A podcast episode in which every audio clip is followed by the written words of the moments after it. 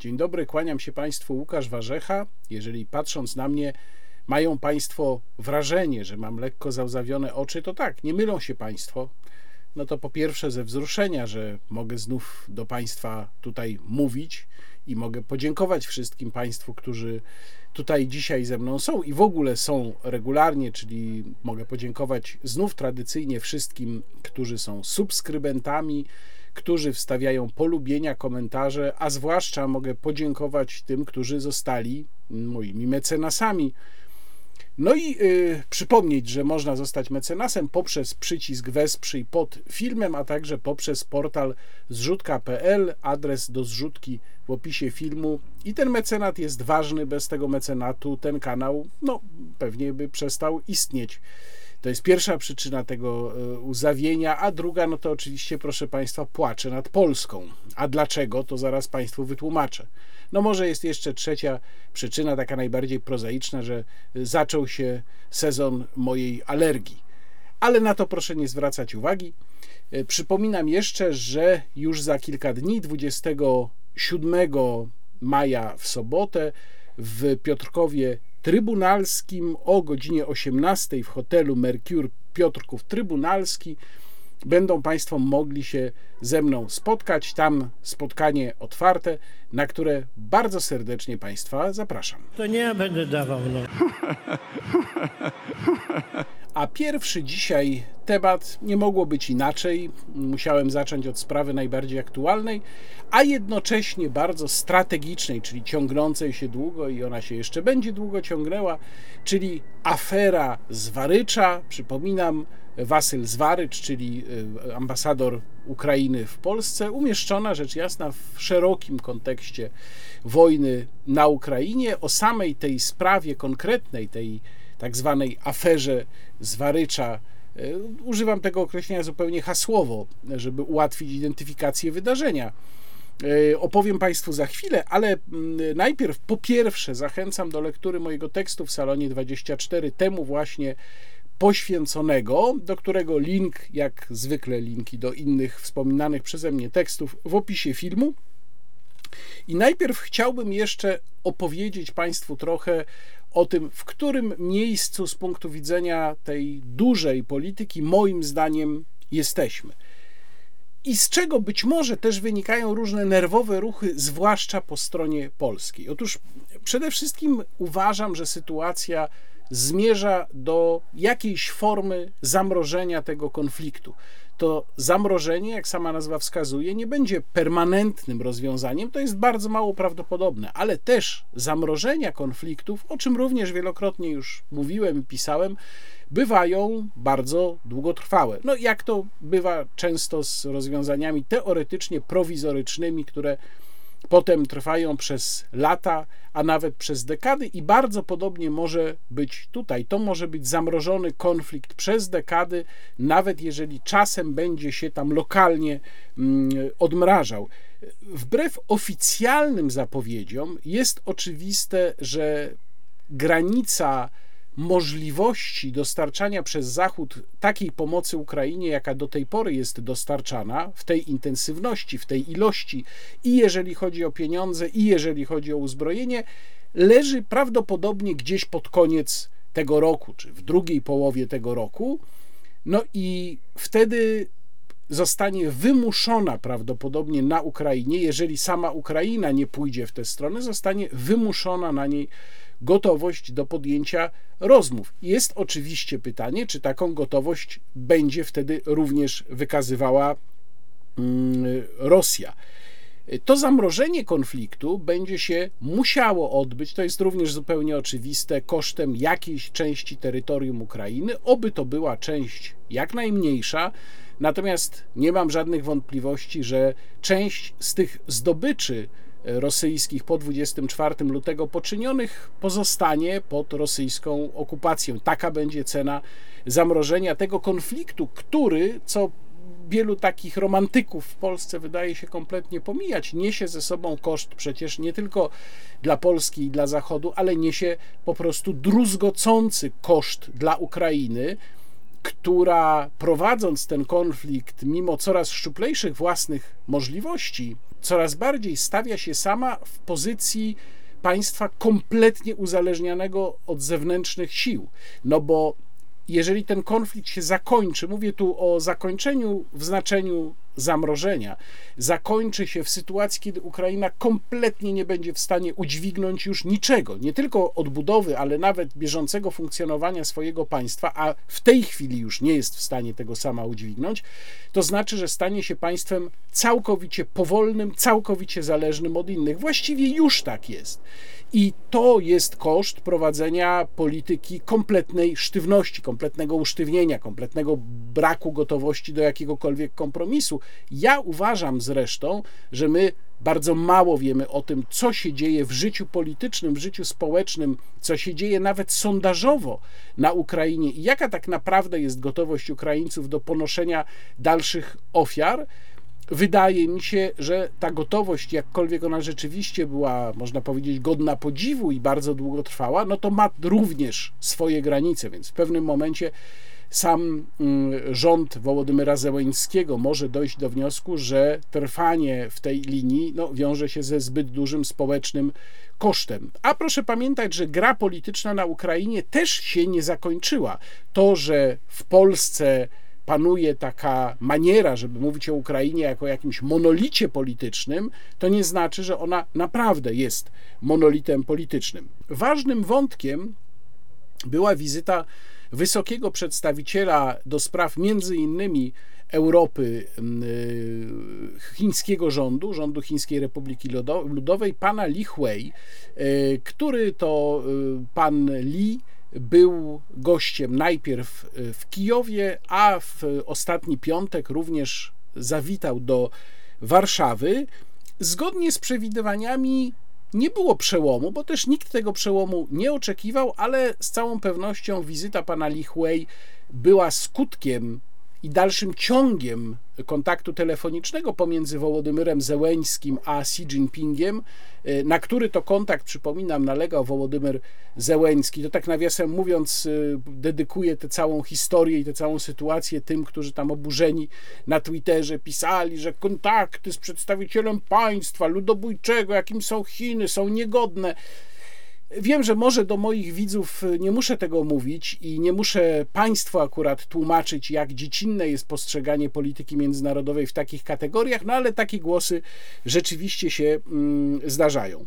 Y, otóż w trakcie tej wizyty pan Li Hui powiedział, czy też podsumowując ją, powiedział, że nie ma panaceum na ten konflikt, zaapelował tradycyjnie do obu stron o gotowość podjęcia rozmów. Jednocześnie mm, strona ukraińska podkreśliła, że y, trwa przy tej, no, moim zdaniem, całkowicie nierealistycznej y, wersji czy też kursie, że mm, konflikt nie może się zakończyć poprzez oddanie Rosji jakiegokolwiek terytorium y, ukraińskiego. Aczkolwiek proszę tutaj również zwrócić uwagę na pewne subtelności to już dosyć dawno temu pojawiało się w różnych tekstach, między innymi w tekstach z Foreign Affairs, które tu kilkakrotnie omawiałem, mianowicie stan faktyczny nie równa się stan formalny. To znaczy, Ukraina może się oczywiście nie zgodzić, to jest zupełnie zrozumiałe, z tym, że jakieś terytoria ukraińskie pozostają pod okupacją rosyjską i Zachód oczywiście również tego nie uzna, natomiast to nie oznacza, że nie będzie mogła Ukraina zaakceptować tego stanu faktycznego. Tego typu sytuacje w stosunkach międzynarodowych też się zdarzają. To znaczy, akceptujemy to, że mm, jakaś część ukraińskiego terytorium, czy też Ukraina akceptuje to, że jakaś część ukraińskiego terytorium faktycznie jest pod panowaniem, pod okupacją rosyjską i godzi się na zamrożenie konfliktu w takiej sytuacji, natomiast oficjalnie oczywiście uważa tę część terytorium cały czas za, zgodnie z prawem międzynarodowym zresztą, za część właśnie swojego terytorium. No, brzmi to trochę może jak rozdwojenie jaźni, ale jak mówię, w stosunkach międzynarodowych takiej metody również się czasem um, używa. Wejście Chin do gry w ten sposób, czyli poprzez całą tę serię spotkań. Mieliśmy zatem e, podróż pana e, Wang Yi, to było jeszcze e, chyba pod koniec ubiegłego roku, to było jeszcze przed podróżą Xi Jinpinga do Moskwy. Był Xi Jinping w Moskwie, był Putin u Xi Jinpinga w Pekinie, była pani von der Leyen, pan prezydent Macron, teraz w Pekinie, teraz pan Li Hui e, z kolei przyjeżdża do naszej części świata. No, Chiny oczywiście wykazują się bardzo dużą aktywnością, próbują wejść do tej gry wyraźnie, coraz mocniej mm, i co to oznacza? No, po pierwsze, to jest wsadzanie ewidentnie stopy w drzwi z perspektywą tego, co się wydarzy już po zamrożeniu konfliktu na Ukrainie. Czy Chiny będą miały do odegrania jakąś rolę w układaniu przynajmniej tej części kontynentu mm, po zakończeniu walk, czy też y, nie? Ceną za takie wejście do gry może być oczywiście skuteczne wywarcie presji na Rosję, żeby chciała przystąpić do rozmów w tym samym momencie, kiedy Ukraina będzie na to gotowa. I myślę, że na to również liczy, podtrzymując te kontakty z Chinami, pan prezydent Zełenski, ale on również może poprzez te kontakty z Chinami niejako szantażować Stany Zjednoczone. Próbuje grać na dwóch fortepianach. Ja po raz kolejny tutaj chylę czoło przed panem prezydentem Zełęńskim, przed jego pragmatyzmem, którego zdecydowanie brakuje naszym przywódcom, bo wizyta pana Lichwej w Kijowie, gdzie przyjął go minister, pan Kuleba, minister spraw zagranicznych, pokazuje, że tak, tu może właśnie o to chodzić, to znaczy o pokazanie Waszyngtonowi, że my też jesteśmy gotowi rozmawiać z Pekinem, więc jeżeli nie będziecie nam pomagać, jeżeli odpuścicie, jeżeli ta wasza pomoc się zmniejszy, to pamiętajcie, że my mamy tutaj alternatywę, z którą możemy podjąć dalej idące rozmowy. Elementem tej presji wywieranej na Rosję, chyba nie tylko w związku z konfliktem na Ukrainie, to ma jednak bardziej ogólne znaczenie, bardziej strategiczne, był y, szczyt azjatycki w Xi'an, który się odbywał równocześnie z, ze szczytem G7 w Hiroshimie, tym, na którym miał być pan prezydent Zełenski, potem poszła wiadomość, że jednak go nie będzie, że będzie zdalnie, a jednak się ostatecznie mm, pojawił.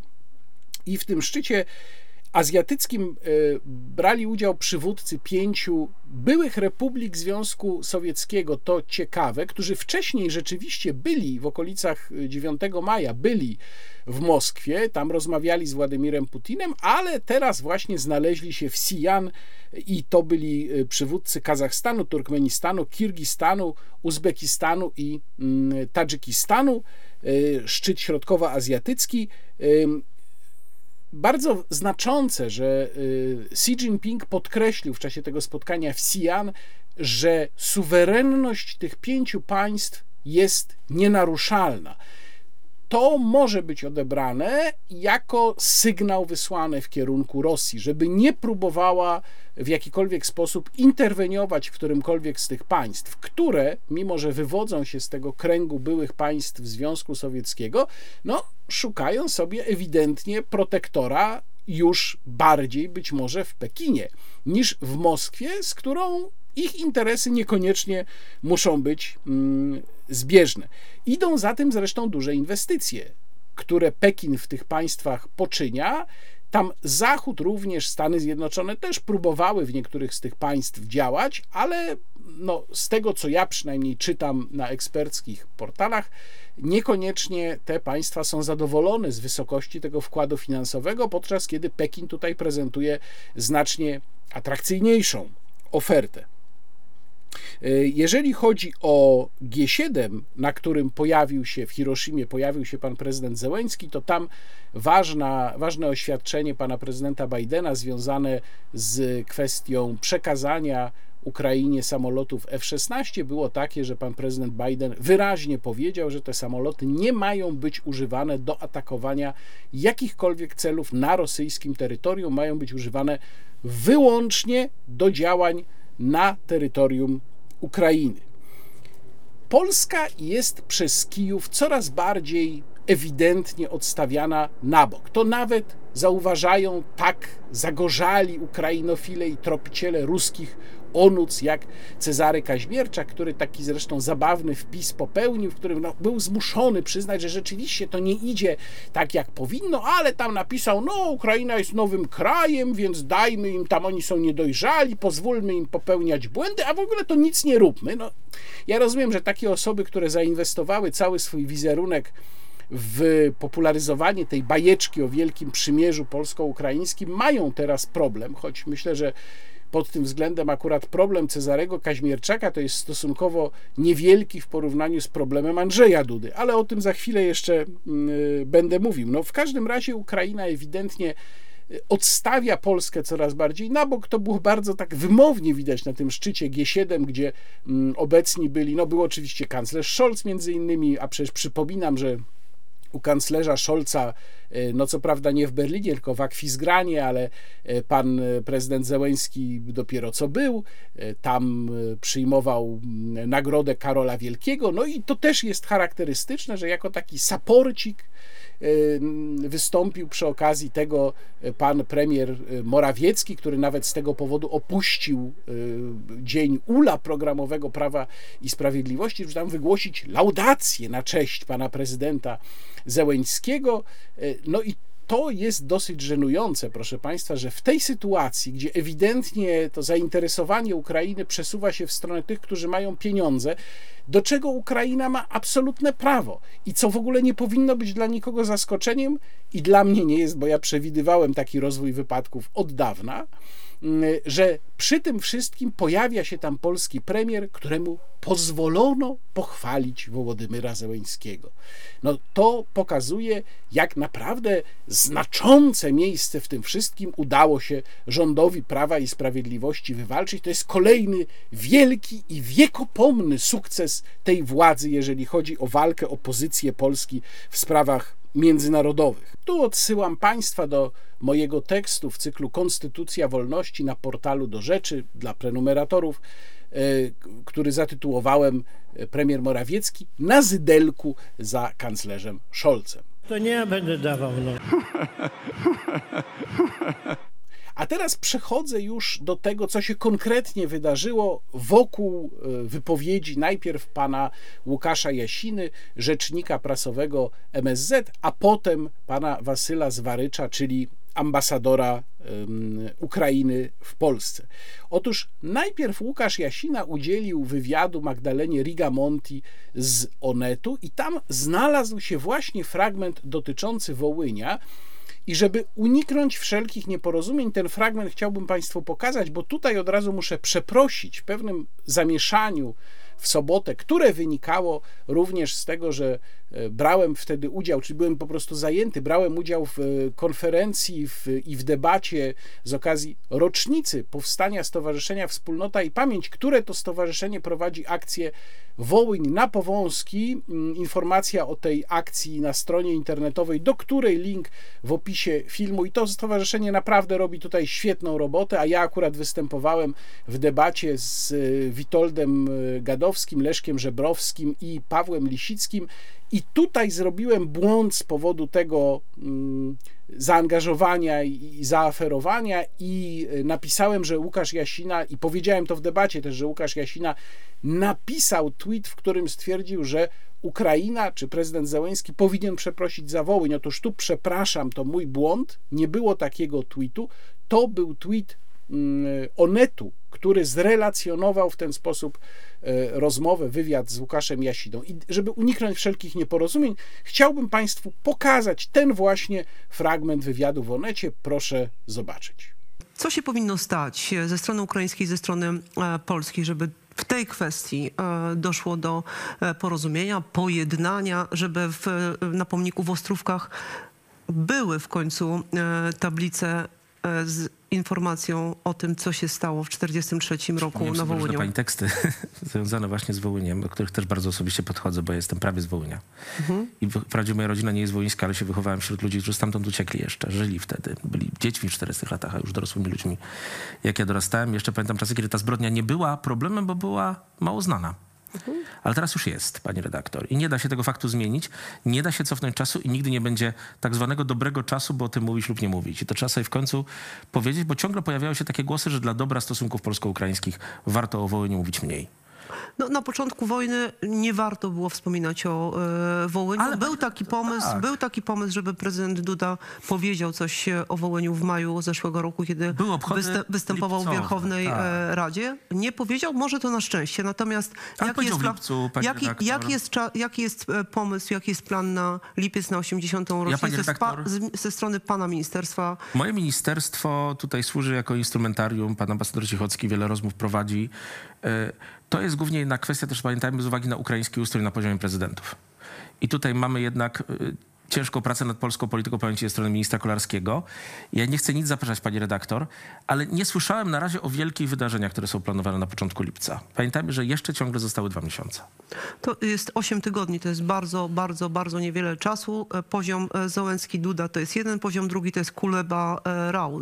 Drugi bardzo ważny poziom e, w tej Panowie kwestii. ministrowie podchodzą do tego bardzo poważnie i tutaj rozmowa o Dio- o Wołyniu jest bardzo szczera, ale też bądźmy szczerzy, mamy inne sprawy w stosunkach polsko-ukraińskich niż tylko i wyłącznie Wołyń. O, Liczymy na to, Odpycha. To jest dyplomatyczne Nawet nie. wyjście z tej sytuacji, panie dyplomacja raczej liczy na to, że w końcu szczebel może nie zawsze dyplomatyczny upora się z problemem, który blokuje bardzo wiele wspólnych inicjatyw. Który szczebel? To znaczy co? Pan prezydent. Myślę, że jednak pan prezydent tutaj. Polskie społeczeństwo wyraźnie powiedziało, że to jest rzecz ważniejsza niż jakieś zakulisowe negocjacje dyplomatyczne. To jest szczera rozmowa między przywódcami, która też miała miejsce na te tematy na początku kwietnia. To jest sprawa na tyle ważna, że musi być załatwiona na takim poziomie. A kto blokuje tę sprawę? Czy blokuje, pani redaktor? Ja myślę, że ze strony ukraińskiej, i tu będę bardzo dyplomatyczny, ciągle brakuje po pierwsze zrozumienia, jak to jest sprawa już w tej chwili dla Polaków bardzo prezydenta Załęskiego brakuje zrozumienia? być może. Prezydent Zaleski ma także wiele innych spraw na głowie. Ja tutaj niczego nie usprawiedliwiam, pani redaktor, ale No trochę pan dla usprawiedliwia. niego ja po prostu staram się zrozumieć. To jest też właśnie cecha dyplomacji. To jest, nie jest rzecz ciągle dla Ukraińców najważniejsza. Ciągle to zrozumienie jest zbyt słabe, ale ja jestem dobrej myśli, że jednak ta 80. rocznica coś zmieni. E, Prezydent Załęski powinien przeprosić za Wołyń, za rzeź wołyńską, panie rzeczniku? Tego nie zrobiło państwo ukraińskie, ale prezydent Zaleski powinien wziąć jako Ukraina jednak większą odpowiedzialność. Przeprosić, stanąć i powiedzieć przepraszam naród e, polski za Rozumiem ludobójstwo? ból, co też jest jakąś formą przeprosin, pani redaktor? Tak, myślę, że tak. Czyli co powinien powiedzieć, panie rzeczniku? Przepraszam i proszę, wybaczam, proszę, prosimy o wybaczenie. Ta formuła bardzo dobrze działa w wypadku polsko-ukraińskich stosunków. A jej jest ciągle mało. Bo my Polacy wzięliśmy jako państwo polskie odpowiedzialność za zbrodnie dokonywane przez nasze państwo na Ukraińcach. Brakuje takiej odpowiedzialności ze strony Ukrainy, choć bardzo wiele rzeczy się zmieniło na lepsze, choćby ubiegłoroczne gesty, ale jednak na szczeblu ambasadora Wasyla Zwarycza. Proszę tutaj zwrócić uwagę, że Łukasz Jasina w tej wypowiedzi był naprawdę dyplomatyczny. To nie jest wypowiedź konfrontacyjna.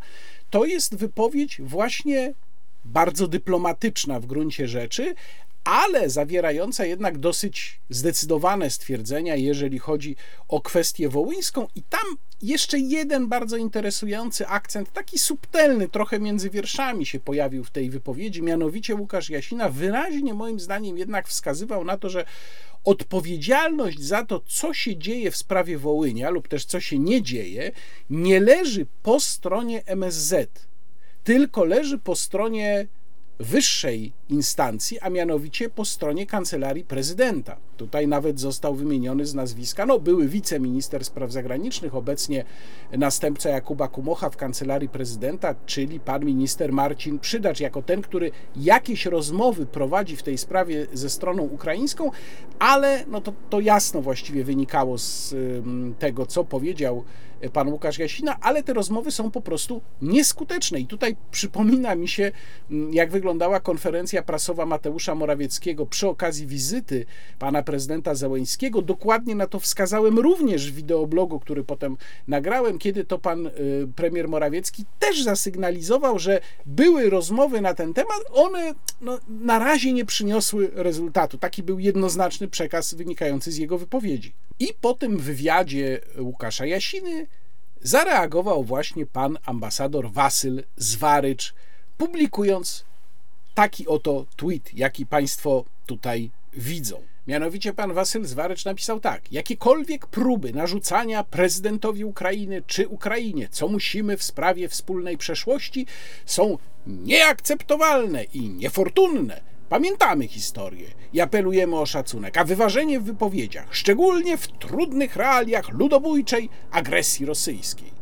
Czyli mamy tutaj klasyczny szantaż emocjonalny, który Ukraina stosuje oczywiście od samego początku, tylko w Polsce nie można o tym powiedzieć, żeby się nie narazić na zarzut onucyzmu. Czyli my teraz jesteśmy atakowani, więc padajcie przed nami na kolana, nic nam nie można powiedzieć. No, ja znów mówię, nie mam o to do Ukraińców pretensji, bo oni chronią interes swojego państwa i absolutnie mają prawo to robić. Natomiast my powinniśmy po prostu zachowywać się w odpowiedni sposób dla ochrony naszego państwa. No i pod tym tweetem pana ambasadora Zwarycza yy, wybuchła gorąca naprawdę dyskusja, w której pojawiły się również głosy osób związanych z obozem władzy, no zdecydowanie protestujących przeciwko takiemu mm, postawieniu sprawy, ale też pojawił się pan yy, wiceminister spraw zagranicznych Piotr Wawrzyk, ten co mu kiedyś gacie wisiały w trakcie rozmowy wideo na yy, oparciu krzesła i w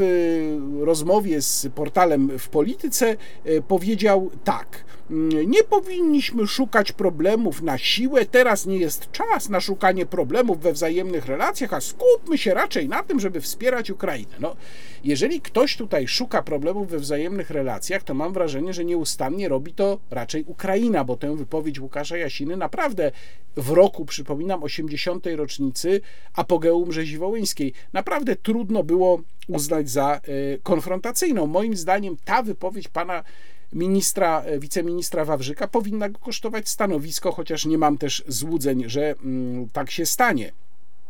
Oczywiście były też inne komentarze, na przykład taki wiernopoddańczy komentarz y, pana y, profesora Sadurskiego, który tam się kłania głęboko panu ambasadorowi Zwaryczowi i mówi, jak to mu przykro, że tam wbijają mu nóż w plecy, ale to tylko dla tych paru procent głosów nacjonalistów, a on, Wojciech Sadurski, bije tutaj czołem. No to jest taka grupa ludzi, którzy muszą komuś bić czołem, czy to będą Niemcy, czy to będzie Bruksela, czy to będzie Ukraina. No Ameryka w zasadzie też mogliby bić czołem, gdyby to był ten stary Joe Biden, bo teraz mają problem, bo to jest Joe Biden, którego lubią też pisowcy, ale w zasadzie to jest Joe Biden, który lubi Ukrainę, to może tam trochę czołem też mu można pobić. W każdym razie oni muszą komuś bić czołem, to jest taki imperatyw wewnętrzny, który jest po prostu od nich silniejszy. Odruch można powiedzieć bezwarunkowy.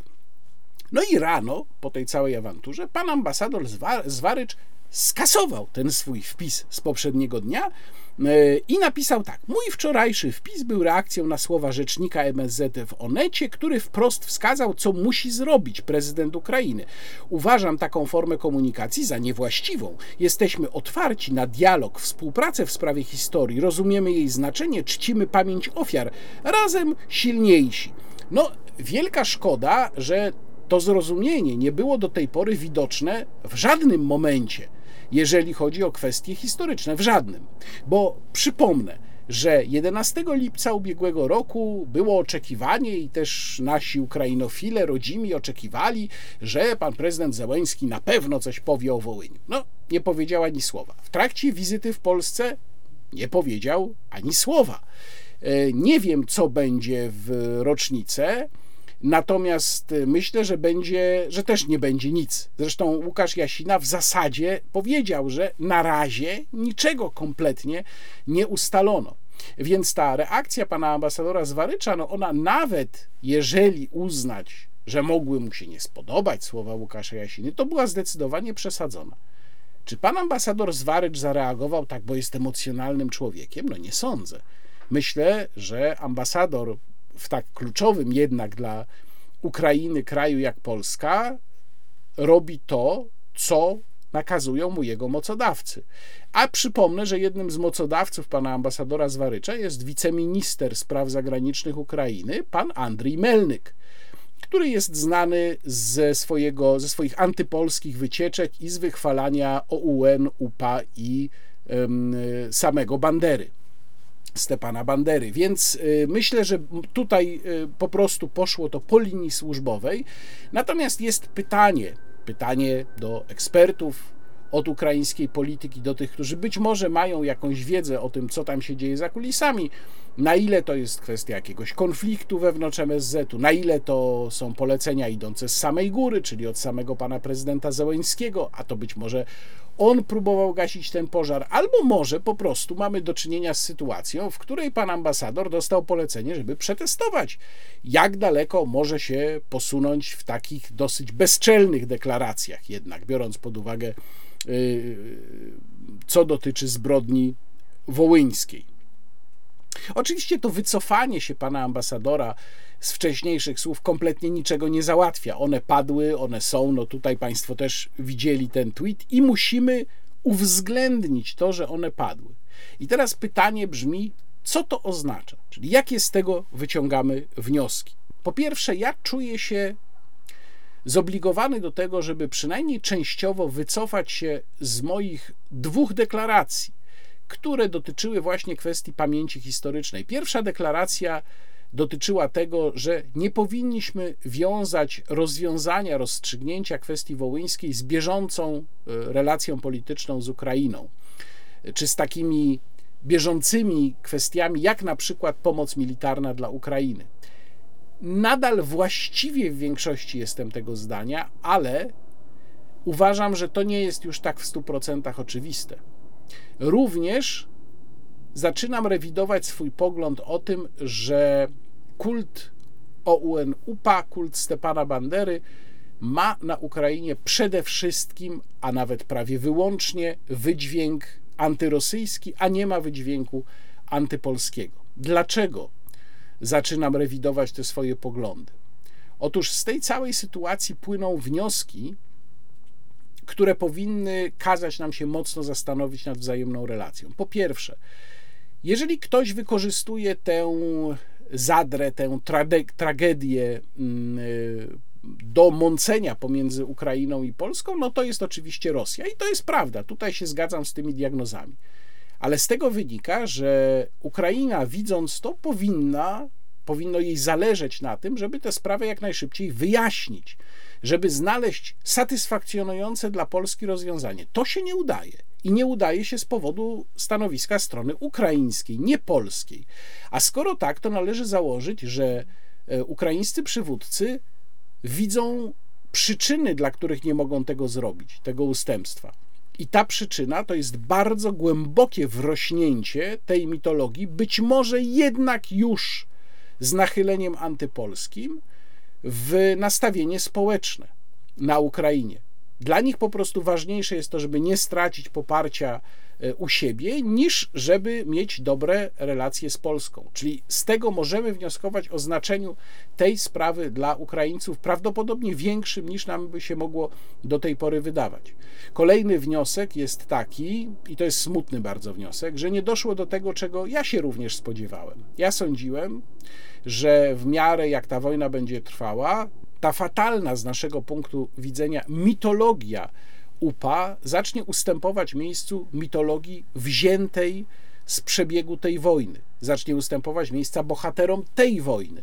Niestety nic takiego się nie stało. Jest przeciwnie. To znaczy, mitologia UPA zaczęła być wkomponowywana w mitologię tej wojny i zrastać się z nią. To niestety poszło w zupełnie innym kierunku niż oczekiwali polscy ukrainofile. To wszystko ma ogromne znaczenie, jeżeli wziąć pod uwagę te miraże jakiejś Unii polsko-ukraińskiej, która nie wiemy właściwie jakby miała wyglądać. Przypomnę, że rząd sygnalizuje, że jakiś traktat wyjątkowy jest przygotowywany. On jest przygotowywany w stuprocentowej tajemnicy przed obywatelami, żeby się przypadkiem nie dowiedzieli, co władza nam szykuje. No ale jeśli mówimy o takim przymierzu, to ono musi być oparte na solidnej podstawie w postaci przepracowania przez oba narody tego, co je dzieli. A tutaj niczego takiego nie mamy. Jeżeli politycy PiS nam mówią, że jest wielka miłość pomiędzy narodami polskim i ukraińskim, to mówią po prostu nieprawdę. Jest rzeczywiście sporo dobrych emocji I to są emocje, śmiem twierdzić, głównie ze strony ukraińskiej w stronę Polaków, ale czy one są aż takie gorące, czy też są po prostu tylko ciepłe, no to ja nie wiem. Nie wiem, czy Ukraińcy rzeczywiście pokochali Polaków emocją wdzięczności, czy też po prostu ich tylko bardziej lubią. Wiem, że z polskiej strony wcale to nie wygląda tak entuzjastycznie, jakby chcieli politycy PiS. Był niedawno sondaż, aktualny sondaż Cebos, który to Cebos bada regularnie mm, sympatię wobec narodowości, y, jaką wykazują Polacy. I tam y, rzecz jasna wchodzą w grę właśnie głównie emocje, między innymi z powodu emocji y, bardzo spadli w tym rankingu Węgrzy, bo przecież Węgrzy nam nic nie zrobili, znaczy w tym sensie, że Węgrzy nie stali się wrogim narodem wobec Polaków. To jest oczywiście odbicie stanowiska Węgrów wobec Rosji. Amerykanie na pierwszym miejscu, to też nie jest nic dziwnego, ale proszę Państwa, na którym miejscu, jak Państwo myślą, są Ukraińcy? Otóż Ukraińcy są dopiero na miejscu szóstym i to po zyskaniu w stosunku do poprzedniego badania aż 10 punktów. Czyli mimo tej pozytywnej emocji związanej z wojną na Ukrainie, Ukraińcy zarobili 10 punktów dzięki tej emocji, ale oni są nadal dopiero w rankingu lubianych przez Polaków narodów dopiero na szóstym miejscu. 51%. Wyżej są na przykład Szwedzi, Czesi, Anglicy, Włosi, no i Amerykanie oczywiście. Więc y, teza o tym, że nastąpiło jakieś wielkie pogodzenie wiekopomne pomiędzy Ukraińcami a Polakami, jest po prostu nieprawdziwa. A na tak kruchym fundamencie, na fundamencie chwilowej emocji, nie da się zbudować żadnego trwałego przymierza. To się po prostu zawali, przegnije i się zawali. Drugi wniosek jest taki, że Ukraina, jak już powiedziałem, gra od początku tego konfliktu maksymalnie pragmatycznie, a my z kolei oddaliśmy Ukrainie wszystko właściwie, co mieliśmy.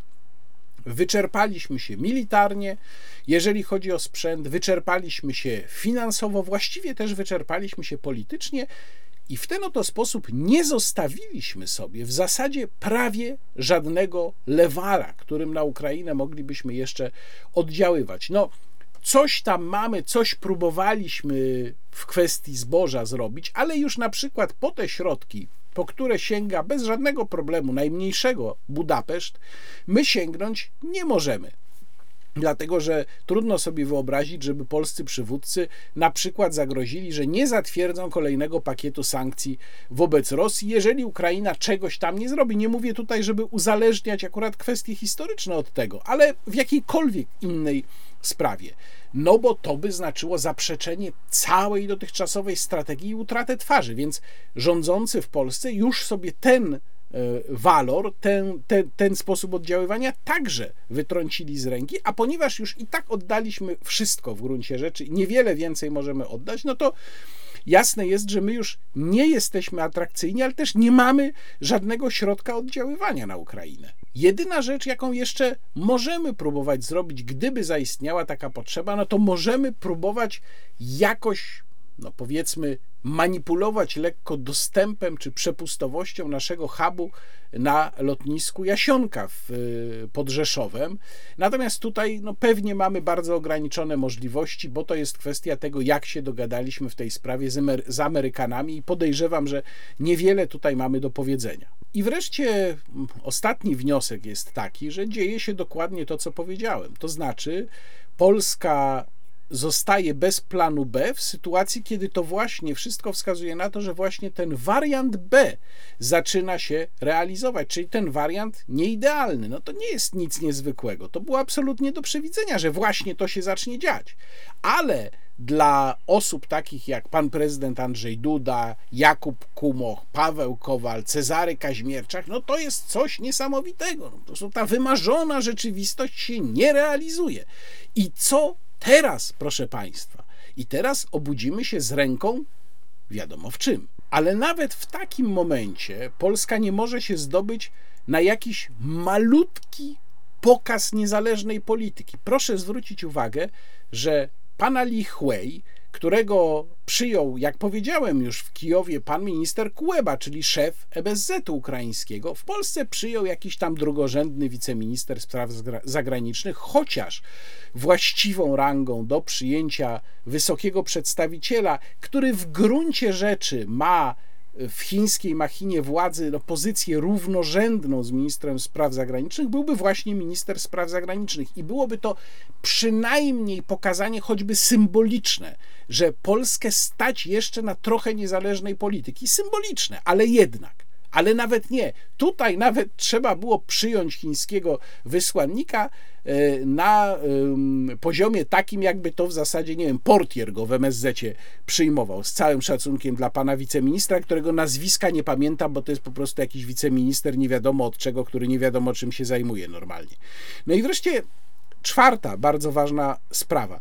Dbanie o pamięć o własnych obywatelach, a tutaj mówię właśnie o, o, o sprawie zbrodni wołyńskiej, jest powinnością każdego poważnego państwa. Każde poważne państwo dba o pamięć o własnych obywatelach, bo jest to część tak zwanej miękkiej siły państwa. I tego akurat nie można uzależniać od bieżących spraw.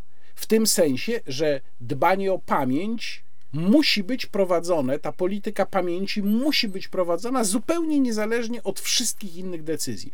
Rozumieją to wszystkie poważne państwa. Rozumieją to Stany Zjednoczone, rozumie to także Francja, znakomicie rozumie to Izrael, nawet Niemcy to rozumieją. Natomiast Polska wydaje się tego kompletnie nie rozumieć, ba, odzywają się głosy mówiące zupełnie wprost, że właściwie powinniśmy tę sprawę gdzieś tam zagrzebać pod dywan, bo ona w tej chwili nie ma znaczenia. Tymczasem właśnie po tym, jaki jest stosunek danego państwa do polityki pamięci o własnych obywatelach, po tym się poznaje poważne państwo. Czyli ja wyobrażam sobie to w praktyce. Na przykład w ten sposób, że my możemy rozmawiać z Ukrainą, możemy pomagać Ukrainie nadal. Oczywiście jest pytanie, w jakiej intensywności, to jest inna sprawa, ale możemy absolutnie to kontynuować, ale przy okazji każdego spotkania, każdego przedstawiciela polskich władz z kimkolwiek z Ukrainy, czy to będzie spotkanie na Ukrainie, czy to będzie spotkanie w Polsce, przedstawiciel polskich władz powinien wspomnieć o konieczności ekshumacji i pochówku ofiar masakry na Wołyniu. To powinno wybrzmiewać w każdym publicznym wystąpieniu. Choćbyśmy zapewniali o tym, że oczywiście jesteśmy po stronie Ukrainy, oczywiście kontynuujemy pomoc, ale oczekujemy tego i tego. I to powinno być konsekwentnie powtarzane od 24 lutego. Ja nie łudzę się co do przeprosin, bo tu Łukasz Jasina w tej, w, tym roz, w tej rozmowie w Onecie powiedział o przeprosinach. Ja już mówiłem wielokrotnie. Uważam, że przeprosiny, oczekiwanie przeprosin to jest po prostu w tym momencie nierealne. Trzeba domagać się tego, co jest realne. A realne jest zezwolenie na ekshumację na całej Ukrainie i pochówki ofiar. I tak jak już też mówiłem, to nie musi się dziać w tej chwili. W tej chwili Ukraina toczy wojnę, ale to powinno być zobowiązanie i to zobowiązanie na piśmie, najlepiej w formie umowy międzynarodowej pomiędzy Polską a Ukrainą dotyczącej rozpoczęcia tych prac w momencie, kiedy tylko skończą się działania wojenne, kiedy zostaną zamrożone, zawieszone, nie kiedy zostaną ostatecznie zakończone. I na koniec tego wątku muszę jeszcze rozprawić się z fejkiem, z którym jakimś cudem nie rozprawia się ani demagog.pl, ani Fake Hunter, czyli ten, ten portal tworzony przez Wiktora Świetlika, to Wiktorze, halo, halo, może byś się tym zajął? Bo jest taki fake, który krąży i który powielił między innymi na Twitterze w sporze ze mną pan marszałek Marek Borowski, że Ukraina przecież już się zgodziła na ekshumację. I tutaj y, następuje odniesienie do informacji z listopada ubiegłego roku, która to informacja celowo została przez pana ministra Przydacza z kancelarii prezydenta podana w sposób zmanipulowany. I potem różne media ją powtórzyły. Ukraina zgodziła się na ekshumację. Nie, proszę państwa. Ukraina nie zgodziła się na ekshumację, tylko na ekshumację. Jedną ekshumację nad którą ma pracować prywatna fundacja i dotyczy to jednej miejscowości Puźniki, która to miejscowość Puźniki jest nie na Wołyniu, tylko na Podolu i gdzie ta zbrodnia zdarzyła się w roku 45, nie 43. Więc zostało to propagandowo wykorzystane i zmanipulowane z pełną świadomością przez przedstawiciela kancelarii prezydenta, żeby ten fake poszedł i się zaczął utrwalać. I on właśnie zaczął się utrwalać, bo widzę to kolejna osoba mi pisze, przecież już jest zgoda na ekshumację, więc nie, proszę Państwa, nie ma zgody na ekshumację, jest zgoda na jedną ekshumację. To nie ja będę dawał, no. Następny temat, tutaj muszę wrócić do spraw dwóch, o których już mówiłem, a które się układają niestety w bardzo niebezpieczny schemat. Wraz z jeszcze jedną kwestią, czyli mm, ustawą o e, Komisji do Spraw Rosyjskich Wpływów, którą to ja nazywam komisją kapturową. O niej już też mówiłem w wideoblogu, ale teraz mamy dwie kwestie, czyli mamy mm, kwestię zmian w kodeksie karnym i mamy kwestię zmian w konstytucji. I tutaj no, trochę mam satysfakcję, bo znów występuję jako prekursor. Niektórzy i również niektóre organizacje pozarządowe zaczęły zauważać te sprawy i te projekty dopiero teraz, a ja mówiłem o nich Państwu już y, o jednej miesiąc temu, mówię tu o zmianach w kodeksie karnym, a o innej dawno, dawno temu, bo jeszcze w grudniu ubiegłego roku tu myślę o projekcie zmian w konstytucji. E, I teraz organizacje pozarządowe, i to z różnych stron, bo to i Helsińska Fundacja Praw Człowieka, i Fundacja Panoptykon, e, którą pozdrawiam, której się kłaniam, i Ordo Juris, które również pozdrawiam, czyli organizacje z bardzo różnych stron zajęły się projektem zmian w kodeksie karnym. I tutaj nie będę oczywiście powtarzał Państwu tych uwag, które na ten temat miałem. Wystarczy, że Państwo sięgną do mojego wideoblogu sprzed miesiąca, gdzie dokładnie te propozycje zmian omawiałem. Natomiast chciałbym Państwu przeczytać, co w swoich analizach i w swoich opiniach te organizacje napisały na temat tych zmian, bo to dokładnie potwierdza moją diagnozę i moją analizę, którą przedstawiłem Państwu w za poprzednim wideoblogu. Najpierw sięgam po komunikat Fundacji Panoptykon, y, która pisze tak. Ujawnienie informacji mogącej wyrządzić szkodę RP osobie lub podmiotowi, co do którego na podstawie towarzyszących okoliczności sprawca powinien przypuszczać, że bierze udział w działalności obcego wywiadu, miałaby brzmieć definicja tzw. Tak nieumyślnego szpiegostwa, którą posłowie PiS chcą wprowadzić do kodeksu karnego. Ja przypomnę tylko, że tłumaczyłem, e, kiedy zajmowałem się tym projektem zmian, że to jest e, sformułowanie wzięte z innych przepisów, między innymi z przepisu o tak zwanym nieumyślnym paserstwie albo z niektórych przepisów zawartych w kodeksie karnym skarbowym. Ono tam się pojawia, czyli to sformułowanie, że o których okoliczności, o których powinien i może przypuszczać ten ewentualny oskarżony. Natomiast no, to są innego rodzaju przestępstwa. Tu mówimy po prostu o innej kategorii, dużo nawet w społecznym odczuciu poważniejszej niż na przykład jakieś nieumyślne mm, paserstwo, więc też wydźwięk tego jest zupełnie inny. I dalej pisze tak mm, Fundacja Panoptykon. Enigmatycznie sformułowana definicja pozwoli oskarżyć o szpiegostwo dowolną osobę, a co za tym idzie, może zagrozić swobodzie działalności obywatelskiej. Dotyczy to m.in. organizacji społecznych interweniujących w instytucjach europejskich w przypadku łamania praw obywatelskich przez władze, czy dziennikarzy ujawniających nieprawidłowości, na przykład w wojsku. Innymi słowy, nie rozmawiaj z obcymi o Polsce, bo inaczej obawia się Wojciech Klicki z Fundacji Panoptykon. Zagrożeni mogą poczuć się także na przykład przedsiębiorcy omawiający z zagranicznymi inwestorami wspólne przedsięwzięcia. Definicja szpiegostwa nieumyślnego jest tak nieprecyzyjna, że znacząco poszerza liczbę osób, które można za to przestępstwo podejrzewać, a tym samym prowadzić względem nich działania operacyjne i zbierać na nie haki. Podobnie będzie z wprowadzeniem karalności przygotowania do szpiegostwa, dodaje Marcin Wolny z Helsińskiej Fundacji Praw Człowieka. I na to spostrzeżenie bardzo mocno zwracam uwagę, bo ja akurat tego nie wychwyciłem w swojej analizie tych przepisów. Natomiast rzeczywiście pan Wolny z Helsińskiej Fundacji ma tutaj absolutnie mm, rację, bo przecież w przypadku podejrzenia służby mogą prowadzić działania operacyjne wobec danej osoby. Na końcu nie ma znaczenia, czy te osoby zostaną skazane, bo zebrane już informacje mogą być wykorzystane w inny sposób, mogą też wyciec do mediów, ostrzega.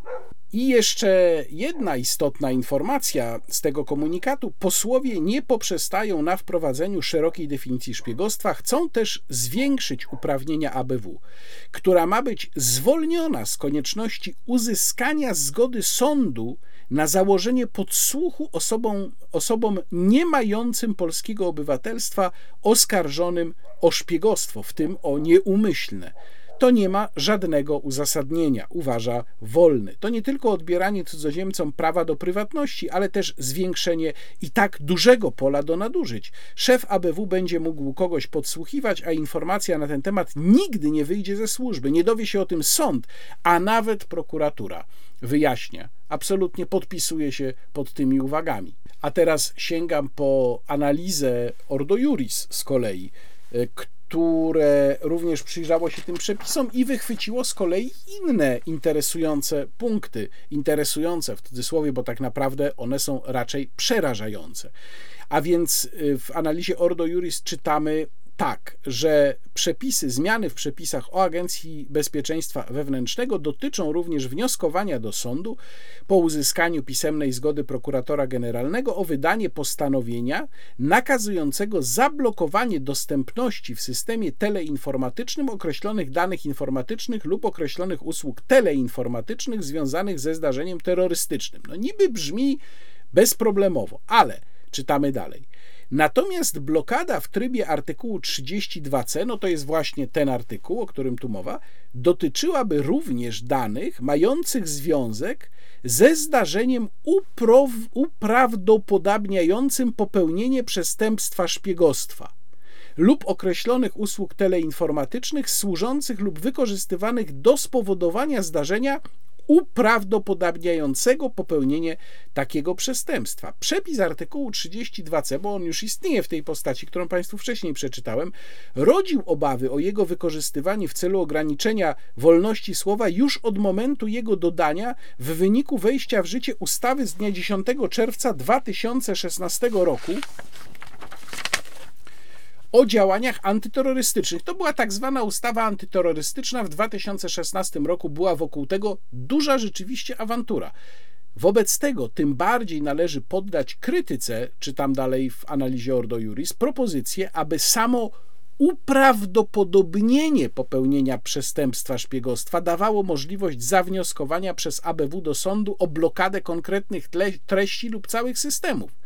W efekcie projektowanego brzmienia artykułu 32c może pojawić się ryzyko naruszenia wolności słowa i ograniczania dostępu do konkretnych informacji bez jednoznacznych dowodów, a jedynie w obliczu choćby najmniejszego prawdopodobieństwa, iż są one związane z przestępstwem szpiegostwa. Czy ja naprawdę muszę jeszcze więcej Państwu mówić? Przecież to wszystko, z czym my mamy do czynienia, a jeszcze nie przeczytałem Państwu, co się wydarzyło z projektem zmiany konstytucji.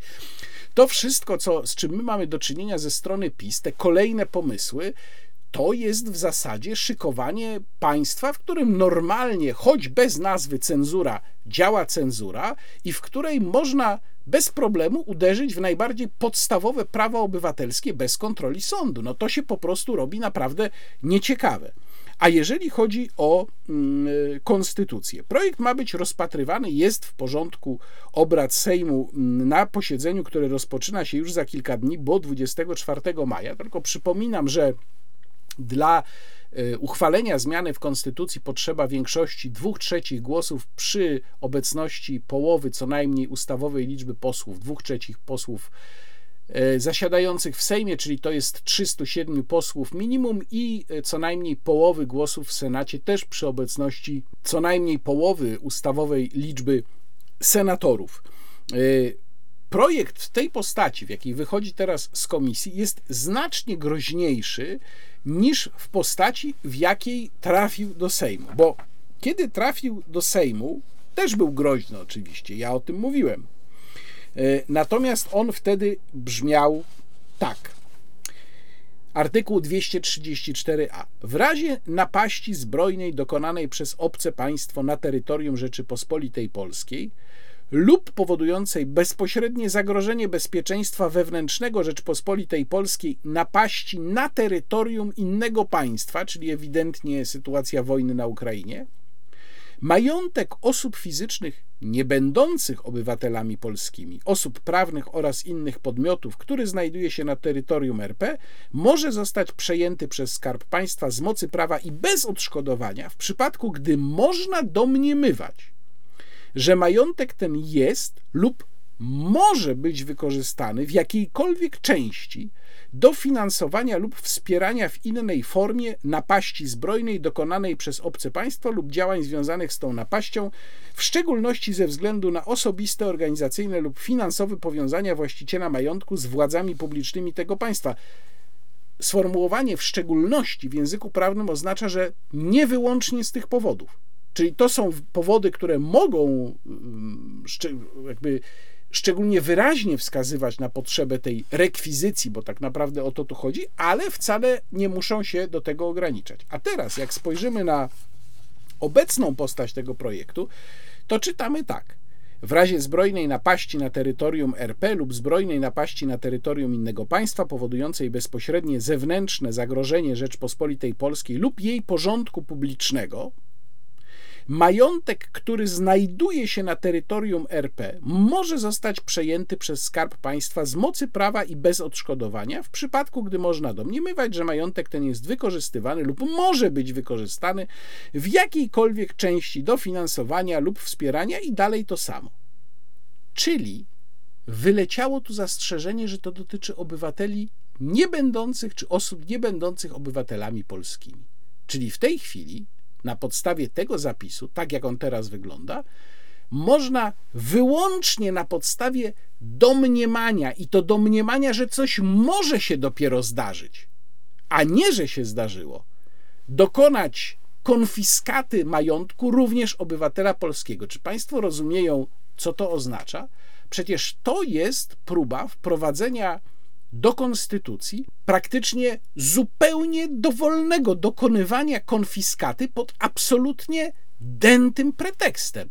To jest przepis skrajnie groźny dla wolności obywatelskich, dla prawa do posiadania i dla ładu prawnego Rzeczypospolitej. Nie wiem, prawdę mówiąc, jak można było coś takiego wysmażyć. Mam nadzieję, naprawdę, i bardzo mocno za to trzymam kciuki, że ten przepis przepadnie, bo on jest po prostu skrajnie niebezpieczny i daje gigantyczną władzę osobom, które będą mogły go uruchomić w ten sposób, niszcząc swoich przeciwników politycznych albo po prostu tych obywateli, których uznają za niewygodnych. Wystarczy domniemanie dotyczące czegoś, co dopiero ewentualnie może się zdaniem tych organów państwa wydarzyć. To nie ja będę dawał, no.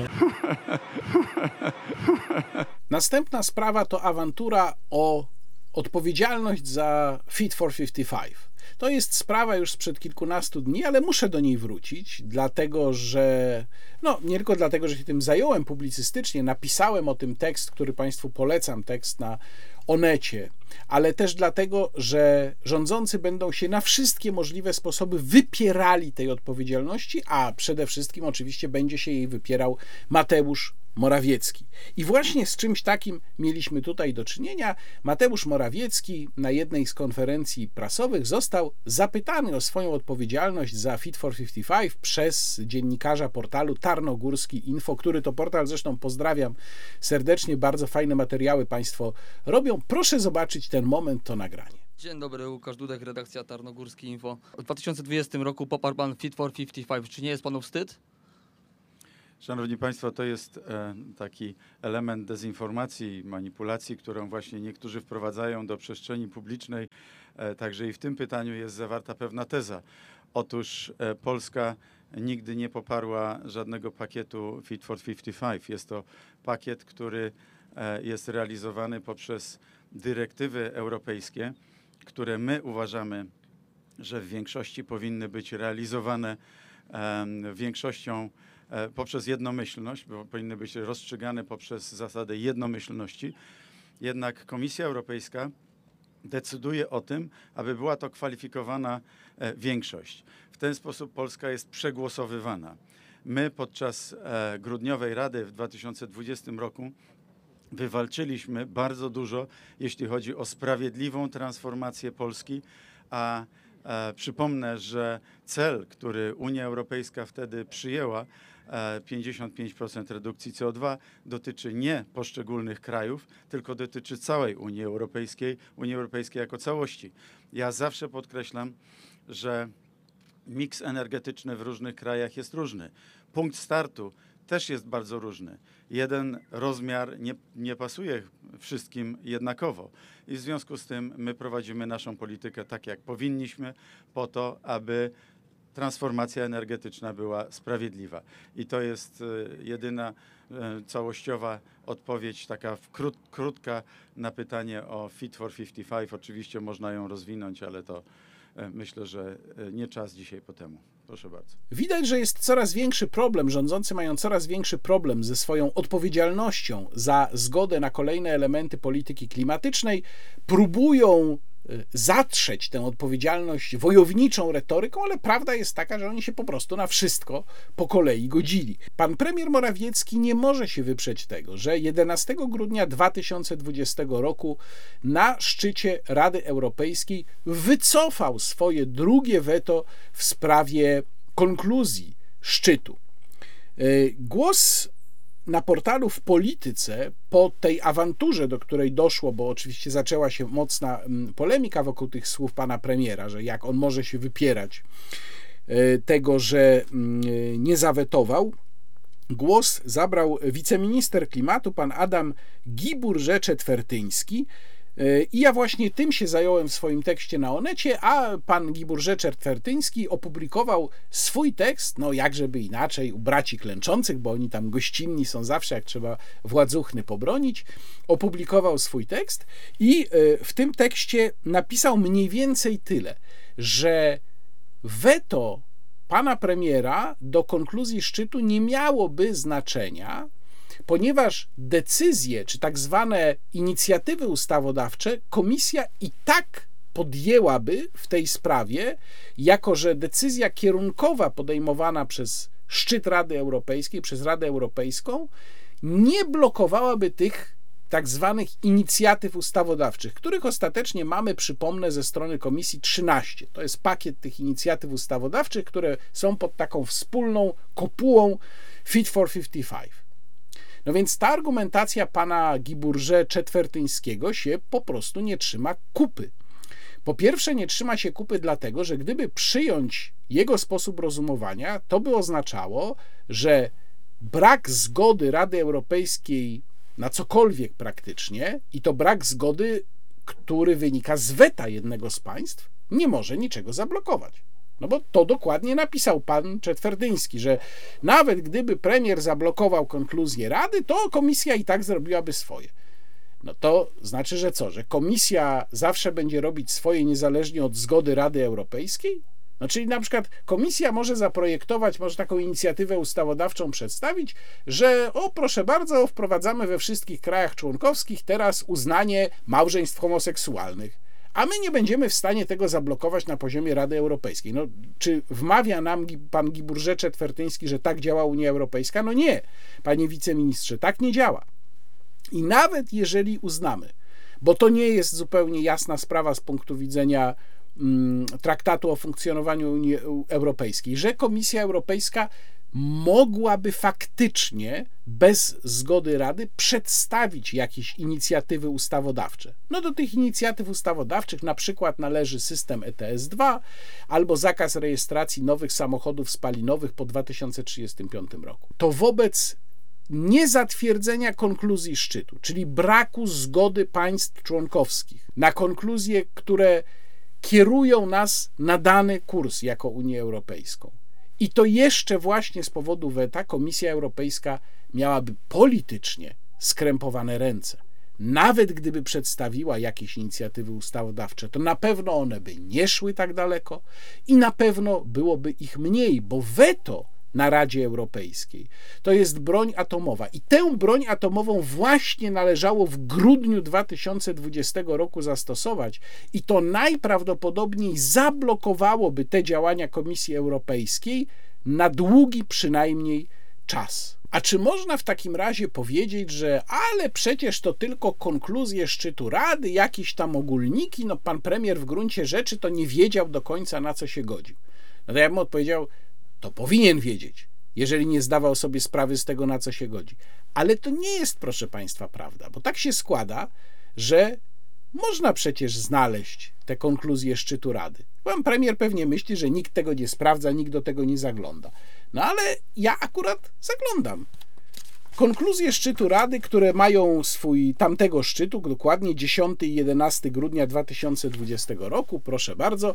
Konkluzje, które mają swój rozdział, o, on jest tutaj, rozdział Climate Change, czyli zmiana klimatu, i to są, proszę Państwa, punkty od 12 do 22.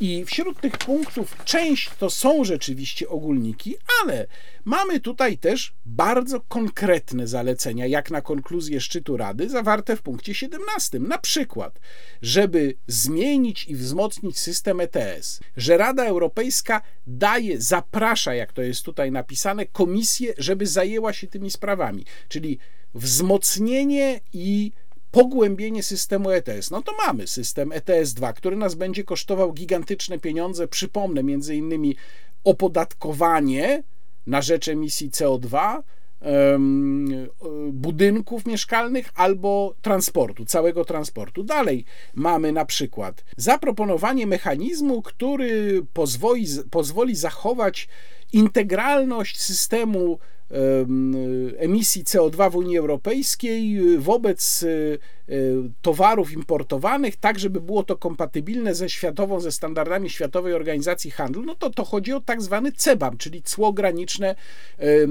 to węglowe, cło węglowe. Czyli pan premier, podpisując się pod tymi konkluzjami 11 grudnia 2020 roku, świetnie i doskonale wiedział, pod czym się podpisuje. On się nie podpisywał tylko pod jakimiś ogólnikami, on się podpisywał pod bardzo konkretnymi zaleceniami. Gdyby tego jego podpisu nie było, gdyby nie było tych konkluzji, gdyby on wtedy trzymał się swojego weta, to prawdopodobnie nie mielibyśmy dzisiaj tego problemu, który mamy. Więc tak, to Mateusz Morawiecki odpowiada za to, co się dzieje w kwestii polityki klimatycznej dzisiaj. On się na to zgodził. Pozostaje pytanie, dlaczego się zgodził? No, być może wyobrażał sobie, że Polska otrzyma z tego tytułu tak duże pieniądze, że tymi pieniędzmi uda się po prostu zamknąć ludziom usta, a to tam jeszcze dużo czasu do tych regulacji zostało, to nie ma się czym przejmować. No okazuje się, że jest inaczej. To znaczy, że to jest coraz ważniejszy temat dla obywateli i on najprawdopodobniej będzie coraz bardziej pierwsze miejsce zajmował w kolejnych wyborach przyszłym roku. Przypominam to po raz kolejny, wiem, że to już mówiłem, ale powtarzam. W przyszłym roku mamy wybory do Parlamentu Europejskiego i to będą niesamowicie ważne wybory właśnie z tego punktu widzenia. Więc jeżeli rzeczywiście tak to sobie wyobrażał Mateusz Morawiecki, nie wiem czy taka była jego motywacja, to jest oczywiście tylko hipoteza, to tutaj się przeliczył i jeżeli jego formacja oberwie za to, że się zgodziła na politykę klimatyczną w takiej postaci, która ma nas kosztować, przypomnę, grubo ponad bilion złotych do 2030 roku, to będę miał tylko satysfakcję, bo tak, uważam, że oni powinni ponieść absolutnie polityczną karę za tę uległość, którą się wtedy i nie tylko wtedy wykazali. To nie ja będę dawał, no.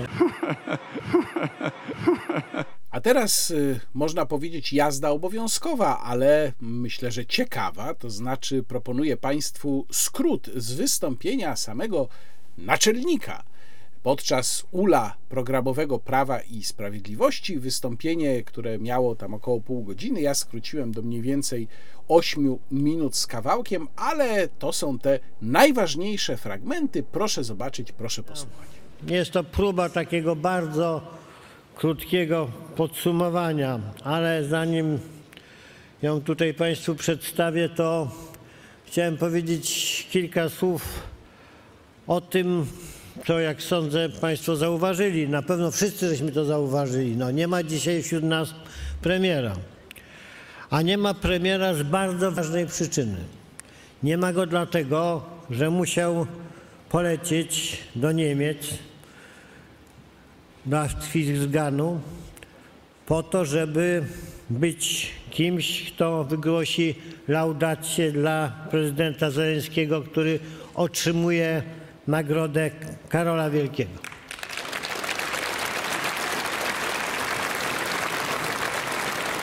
To główne pytanie, które musieliśmy sobie postawić w trakcie całej tej dyskusji, także tej dyskusji ze społeczeństwem, to jaką drogą idziemy dalej?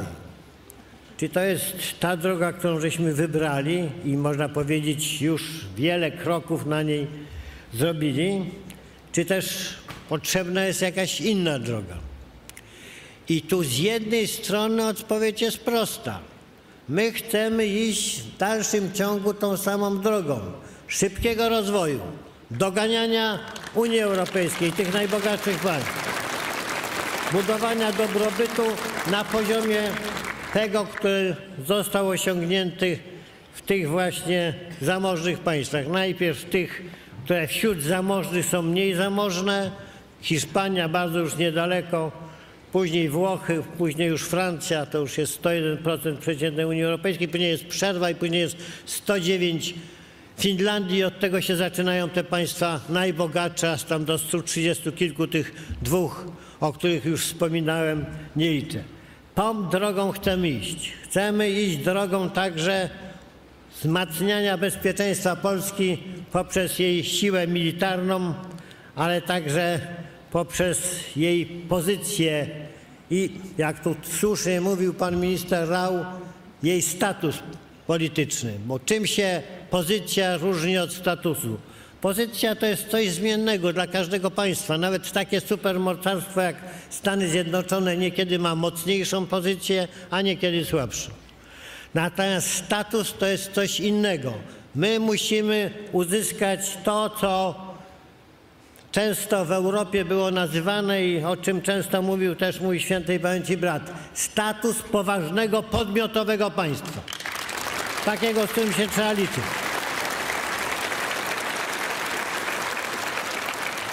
Pewne zasoby już zdołaliśmy wykorzystać. To nasza wielka zasługa. No ale żeśmy je wykorzystali, te zasoby, które wynikają z uszczelnienia naszego systemu podatkowego i uporządkowania całych finansów publicznych, to tu już wiele do zrobienia nie ma. To nie oznacza, że nie ma do zrobienia nic. Jeszcze ciągle możemy w jakiejś mierze coś z tego czerpać, ale to nie może już być dzisiaj podstawa. I stąd ta propozycja, by powstała tutaj jedna wielka strefa ekonomiczna dla inwestycji zagranicznych, żeby cała Polska była taką strefą. Musimy starać się stworzyć perspektywę takiej wielkiej rewitalizacji polskich zabytków, ale także rewitalizacji całych miast. Odbudowane kamienice, odbudowane całe miasta albo ich renowacja daleko idąca. Polska jest piękna, ale może być jeszcze dużo piękniejsza.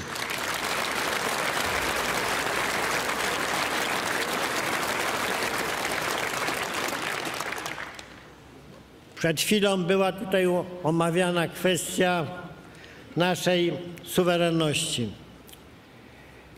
Tak, ja całkowicie się zgadzam, że jesteśmy w tej chwili w punkcie zwrotnym. I powiem tak, tutaj nawet w doskonałych skądinąd wypowiedziach, bardzo za nie dziękuję, pana europosła Sariusz Wolskiego, jest jeden element, jedno słowo, z którym się nie do końca zgadzam, że utrata suwerenności niemalże, nie do, ale może nie do końca. Do końca, panie pośle. Do końca, jeżeli my się teraz zgodzimy na to wszystko, na co nasi przeciwnicy się zgadzają, to naprawdę będziemy mieli tutaj administrację polską. Może. Ale stracimy suwerenność, a naprawdę jest bardzo wiele różnego rodzaju projektów w różnych sferach, nie tylko tej obyczajowej, która w istocie ma pozbawić nas także i tożsamości, i wolności. Tu musimy być naprawdę bardzo twardzi. Musimy się bronić. Bronić, zaciekle się bronić. Oczywiście bronić w sposób przemyślany, bo to nie jest tak, że skuteczna obrona w polityce polega na tym, że się coś bardzo ostro powie. To musi być przemyślana, zręczna, często pełna zwrotów polityka. No tak to się robi. Na tym polityka polega. Od nowego roku 800 plus.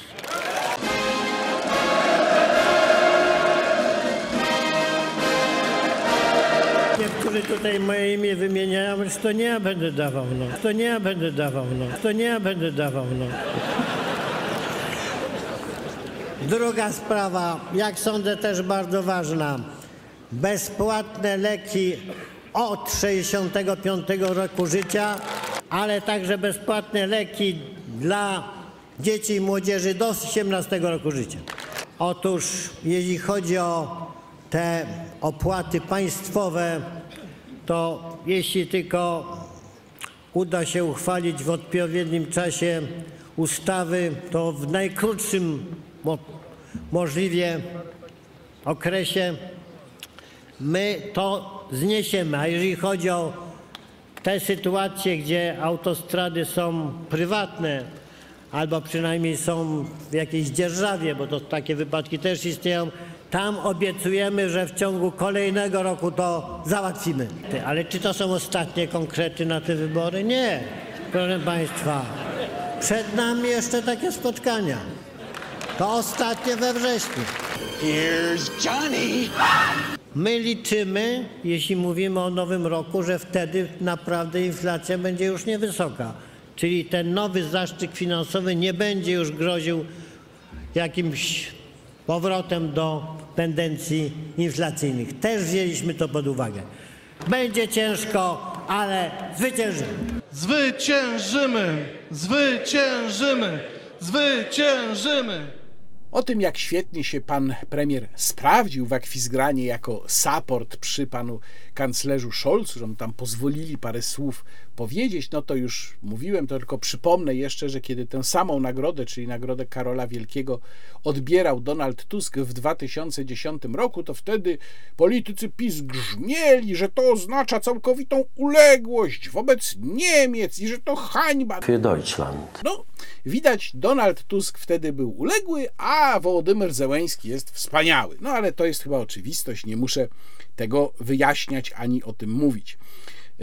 Inne ciekawe fragmenty, które Państwu pokazałem. Proszę zwrócić uwagę. Jarosław Kaczyński przyznaje uczciwie w tym wystąpieniu, że uszczelnianie systemu podatkowego nie przyniesie już korzyści. No bo to jest oczywiste. Im dłużej trwa ten system w postaci uszczelnionej, im bardziej jest uszczelniany, tym te korzyści w kolejnych momentach z tego uszczelnienia są coraz mniejsze. Więc to jest ciekawe, że Jarosław Kaczyński o tym tak wprost tutaj uczciwie powiedział, bo wielu polityków jego obozu cały czas posługuje się tym argumentem. Kiedy pojawia się pytanie, z czego coś tam będzie finansowane, to oni mówią, a z uszczelnienia systemu podatkowego. No nie, właśnie nie i tu Jarosław Kaczyński, no chwała mu za to, zupełnie uczciwie o tym powiedział. Kolejna rzecz, o której Jarosław Kaczyński mówi, odwołując się do wcześniejszego wystąpienia pana premiera, to y, koncepcja, żeby cała Polska stała się specjalną strefą ekonomiczną dla zagranicznych inwestorów. Brzmi to niby fajnie, tylko na czym polega specjalna strefa ekonomiczna? Specjalna strefa ekonomiczna polega na tym, że w danym obszarze są wyjątkowo korzystne warunki dla inwestorów. Jeżeli cała Polska miałaby być specjalną strefą ekonomiczną, czyli ca w całej Polsce miałyby by być preferencyjne warunki dla zagranicznych inwestorów, to co to oznacza? No to po prostu oznacza dyskryminację polskich firm. No bo polskie firmy już nie będą miały tych korzystnych warunków, będą je miały tylko firmy zagraniczne. Inna sprawa, że zastanawiam się, jak to w ogóle z punktu widzenia chociażby prawodawstwa unijnego miało być rozwiązane. No tu zdaje się, jakieś specjalne konkrety nie padły. W każdym razie zwracam uwagę na tę nierówność, która wynika z tej zapowiedzi. Kolejna kwestia to ta koncepcja jakiejś tam wielkiej odbudowy czy rewitalizacji Polski. Oczywiście szczegółów nie znamy, ale jak Państwo e, widzieli, jest już przygotowana ustawa o, żebym się nie pomylił, jak to się ma nazywać, Narodowej Agencji Rewitalizacji. To znaczy, szczegółów nie ma, nie wiadomo z czego by to miało być finansowane, ale już wiemy, że będą posady dla towarzyszy partyjnych, no i przecież to jest chyba najważniejsze. Mówiąc serio, nie mam pojęcia, po co od tego ma być jakaś Narodowa Agencja Rewitalizacji, czyli kolejna instytucja. Jest to kompletnie niepotrzebne. Dokładnie tym może się po prostu zajmować ministerstwo, jeżeli w ogóle tego typu rzeczy mają być na szczeblu centralnym zarządzane. Wreszcie bardzo mi się spodobało, jak Jarosław Kaczyński tam pouczał, że polityka nie polega na tym, że się powie kilka ostrych słów, bo nic z tego nie wyniknie. No to jest po prostu piękny przykład samokrytyki. To w zasadzie z tak wspaniałą i szczerą samokrytyką to ja się chyba jeszcze, no przynajmniej ze strony Prawa i Sprawiedliwości nie spotkałem, także chylę tutaj czoła. Panie prezesie, naprawdę podziwiam. No i wreszcie przechodzimy do tego, co zrobiło najwięcej szumu, czyli 800 plus. Jeszcze w ubiegłym roku to było już przypominane właściwie wszędzie. Jarosław Kaczyński mówił, że 700 plus to nie, bo to czynnik proinflacyjny. No ale jak się okazuje, 700 nie, ale 800 to już tak, bo to już nie jest czynnik proinflacyjny. Napisałem o tym tekst w salonie 24. Odsyłam mm, poprzez link w opisie filmu. Natomiast mechanizm inflacyjny zawsze jest identyczny, czyli dorzucenie pieniędzy do systemu, jeżeli nie towarzyszy temu, temu zwiększenie produkcji dóbr albo wartości usług, zawsze kończy się e, inflacją. Tego dotyczyła zresztą ostatnia konstytucja e, wolności. Polecam e, ten cykl krótkich filmów. Koszt tego, czyli ta ilość pieniędzy, które zostaną wrzucone do systemu, jest znana, to jest około 25 miliardów złotych. W ten sposób cały program, czyli ten rodzinny kapitał opiekuńczy, bo tak to się to formalnie nazywa, czyli w tym momencie już 800, plus, będzie kosztował rocznie aż 66 miliardów złotych. No to teraz proszę sobie zobaczyć. 66 miliardów złotych, plus powiedzmy 50 miliardów wydane rocznie na pomoc dla Ukrainy. Nie wiem oczywiście, czy w następnym roku budżetowym też nas na te 50 miliardów będzie stać, no ale załóżmy, weźmy tę kwotę z tego pierwszego roku wojny na Ukrainie, no to już daje mm, e, blisko 120 miliardów złotych, a 120 miliardów złotych to już jest ponad 20%, grubo ponad 20% dochodów polskiego budżetu. Takie koszty tylko z tych dwóch y, punktów. Tu można by jeszcze zadać pytanie, czy te 66 miliardów złotych to już po doliczeniu tego, co będą brali uchodźcy ukraińscy, czy nie. Tu też warto zwrócić uwagę, że program tego rodzinnego kapitału opiekuńczego nie został w żaden sposób ograniczony. I to również jest, to również wskazuje na to, że mamy do czynienia po prostu z łapówką wyborczą. No bo założenie było takie, e, i to politycy PiS mówili w 2015 roku bardzo wyraźnie. Potem się z tego wycofywali czy zaprzeczali temu, ale to jest po prostu nieprawda. Mówili, że to ma być program prodemograficzny. Wiemy, wystarczy spojrzeć na jakikolwiek dostępny wykres urodzeń, że to się nie sprawdziło. No po prostu okazało się, że ten program nie napędza polskiej demografii. Pozostaje do zbadania dlaczego, to jest pytanie do socjologów. Natomiast jeżeli on nie jest, nie ma znaczenia demograficznego, no to ma wyłącznie znaczenie socjalne. A skoro ma wyłącznie znaczenie socjalne, to powinien zostać ukierunkowany na te osoby, dla których on ma znaczenie, ale zamiast tego nie ma tu żadnego ograniczenia, tylko po prostu się szeroko rozrzuca pieniądze w ramach mm, przedwyborczej łapówki. No oczywiście obiecanej, bo to ma dopiero być od przyszłego roku, czyli wybierz ta nas, to wam damy. Natomiast bardzo ciekawy jest sondażowy efekt, a raczej brak efektu tej obietnicy. Bo można się było spodziewać, że po tego typu deklaracji no, sondaże PiS wyraźnie wzrosną. Może nie wystrzelą, ale wyraźnie wzrosną. I okazuje się, że nic takiego się właśnie nie wydarzyło. Ja tutaj sprawdziłem sobie, jak wyglądały sondaże. W Rzeczpospolitej był sondaż dotyczący samego podniesienia tego świadczenia. I za podniesieniem opowiedziało się tylko 34,8% wyborców, a przeciwko aż 50,8%. To jest suma przeciwników podwyższenia i jednocześnie zwolenników całkowitej likwidacji e, rodzinnego kapitału opiekuńczego. E, w sondażu dla Onetu z kolei 36,7% było za waloryzacją, a 46% aż było przeciwko, czyli widać, że ta grupa za jest tylko troszkę większa niż elektorat PiS, niewiele większa. Z kolei w sondażu dla Do Rzeczy, zrobionym już po y, obietnicy podwyższenia rodzinnego kapitału opiekuńczego, PiS nie odnotował żadnego wzrostu od marca. Stoi na poziomie 35%, natomiast wzrost odnotowała Konfederacja. Z kolei w sondażu Cebos, który co prawda był prowadzony częściowo jeszcze przed ulem programowym, więc no powiedzmy, że tutaj nie ma jasności, czy on pokazuje nam reakcję czy nie, ale tam z kolei PiS spadło o 3 punkty do 33%. Jedno wydaje się pewne, że nie ma tutaj efektu nokautu. Jeżeli PiS się spodziewał, że tą zapowiedzią osiągnie jakiś efekt nokautu, no to ewidentnie mm, przestrzelił. Oczywiście zobaczymy, co dalej będzie z sondażami. Na razie wygląda na to, że przestrzelił. Oczywiście trzeba odnotować tutaj, że Donald Tusk nie omieszkał porywalizować w populizmie z PiSem, więc zaapelował, żeby to było nie od przyszłego roku, tylko już teraz, chyba od 1 lipca. E, więc po jednej stronie populista i po drugiej stronie populista. Potem mamy y, zapowiedź bezpłatnych leków powyżej 65 roku życia i poniżej 18. Przypomnę, że program bezpłatnych leków dla seniorów już jest. PiS go wprowadził, tylko że teraz on ma granicę wieku o 10 lat wyżej, czyli od 75 lat. Tylko problem polega na tym, że ten program nie działa, a w każdym razie nie działa zgodnie ze swoją nazwą, bo tak naprawdę to nie wszystkie leki są darmowe, część jest tylko trochę tańsza, a część jest darmowa, ale to są akurat te najtańsze leki. Więc diabeł tkwi w szczegółach i mm, tkwi w tym, jak będzie skonstruowana lista tych rzekomo darmowych mm, leków. Natomiast jednego miejmy świadomość, że to absolutnie nie naprawi systemu y, służby zdrowia. Polski Ład miał na celu wyciśnięcie z przedsiębiorców pieniędzy właśnie na ochronę zdrowia. Przecież cały czas słyszeliśmy w momencie, kiedy Polski Ład był konstruowany, wcześniej jeszcze Nowy Ład, że to jest potrzebne, bo trzeba naprawić polską służbę zdrowia.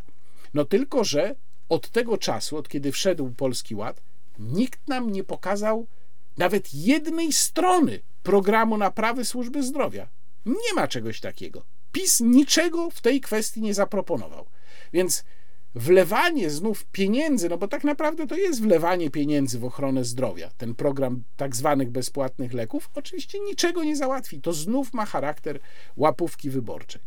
I z tych trzech punktów, które zrobiły najwięcej szumu, najmniej kontrowersyjny wydaje mi się ten punkt dotyczący zniesienia opłat za autostrady. Tu znów e, e, rekomenduję Państwu mój tekst, tym razem na portalu Forum Polskiej Gospodarki 24, FPG24, link w opisie filmu. Tekst właśnie o tym punkcie obietnic PiS, czyli o e, kwestii mm, autostradowej. Są na świecie kraje, są w Europie kraje, gdzie autostrady są finansowane z budżetu, tak jak inne publiczne drogi. To jest Litwa, Szwecja, no przede wszystkim to są Niemcy. Czyli to nie jest jakieś nieznane rozwiązanie, ani to nawet nie jest jakieś rozwiązanie ekstrawaganckie. To jest po prostu kwestia decyzji politycznej, jak szeroki jest zakres tego, co jest finansowane całkowicie ze wspólnej kasy, a nie dodatkowo przez tych obywateli, którzy z tego czegoś korzystają, tak jak było do tej pory. Natomiast można tu postawić pytanie, po co w takim razie było półtora roku temu uruchamiać przygotowany przez Krajową Administrację Skarbową e, system ETOL, który obsługuje wszystkich kierowców, wszystkie samochody. Skoro już wiemy, że samochody do 3,5 tony, pojazdy do 3,5 tony będą jeździć, no w cudzysłowie bezpłatnie, bo oczywiście nie ma darmowych obiadów, prawda? Więc wiadomo, że to tak naprawdę bezpłatne nie będzie, ale w każdym razie nie będą wnosić opłaty za specjalnej opłaty za przejazd. No to można było przecież ten system ETOL skonstruować mniejszym kosztem, dostrajając go od razu tylko do pojazdów powyżej 3,5 tony. No to po prostu było marnotrawstwo. Nawiasem mówiąc, system absolutnie fatalny, z kompletnie kompromitującą aplikacją, szczególnie uciążliwą do wykorzystywania właśnie przez kierowców samochodów osobowych. Natomiast znacznie bardziej skomplikowana sprawa jest z autostradami, nie tam jak naczelnik mówił, prywatnymi, nie ma w Polsce prywatnych autostrad, to są autostrady koncesyjne.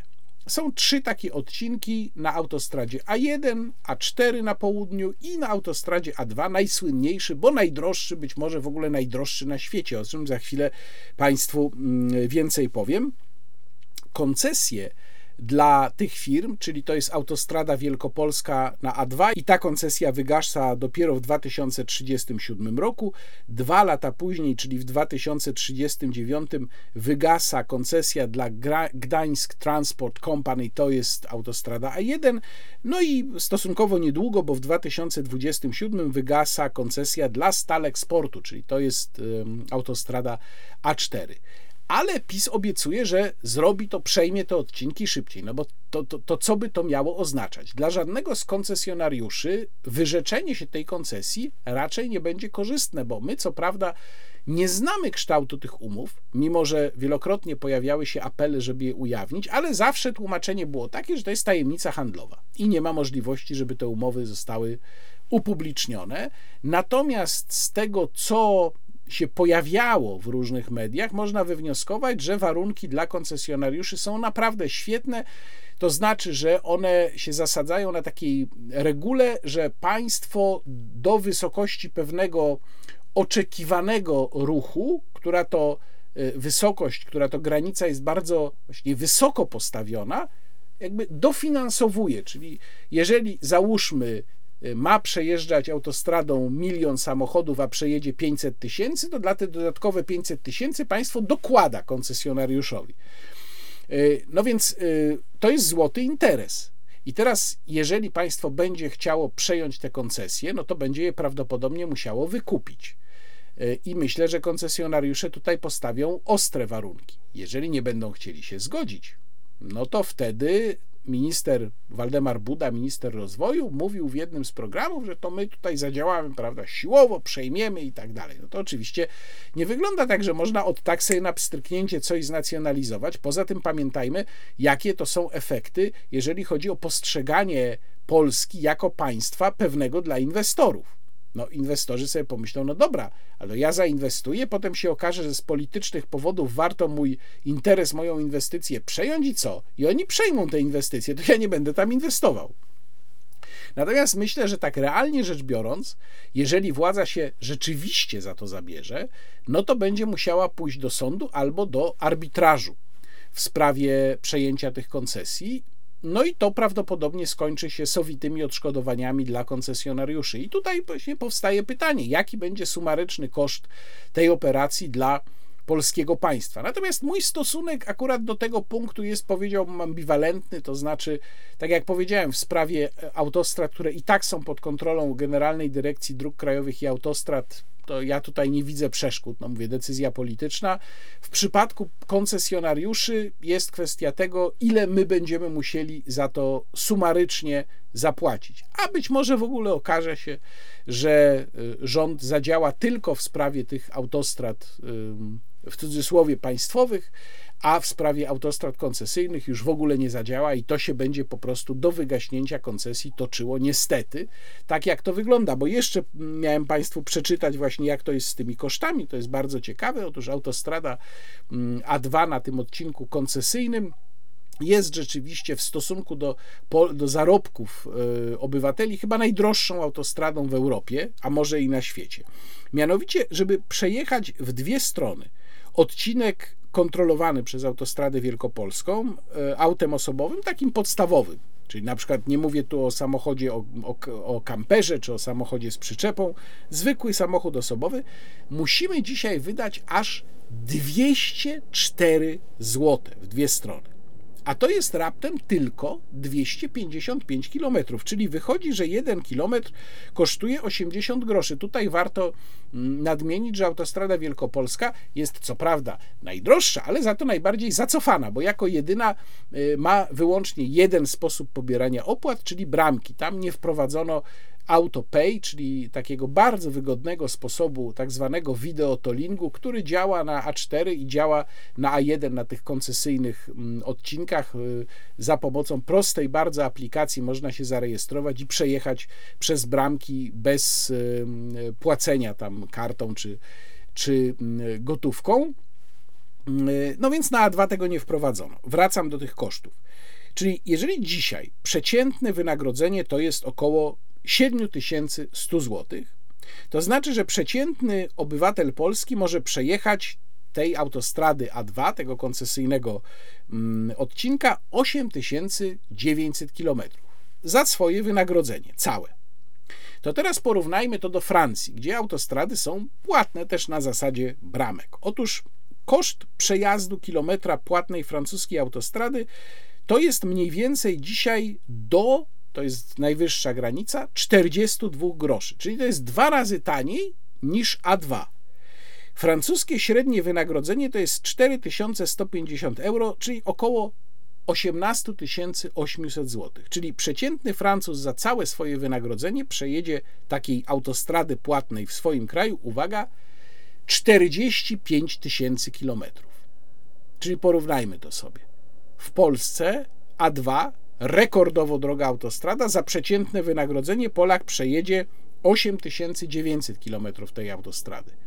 Francuz na najdroższej możliwej swojej autostradzie płatnej za swoje przeciętne wynagrodzenie przejedzie 45 tysięcy kilometrów. To nie ja będę dawał. No.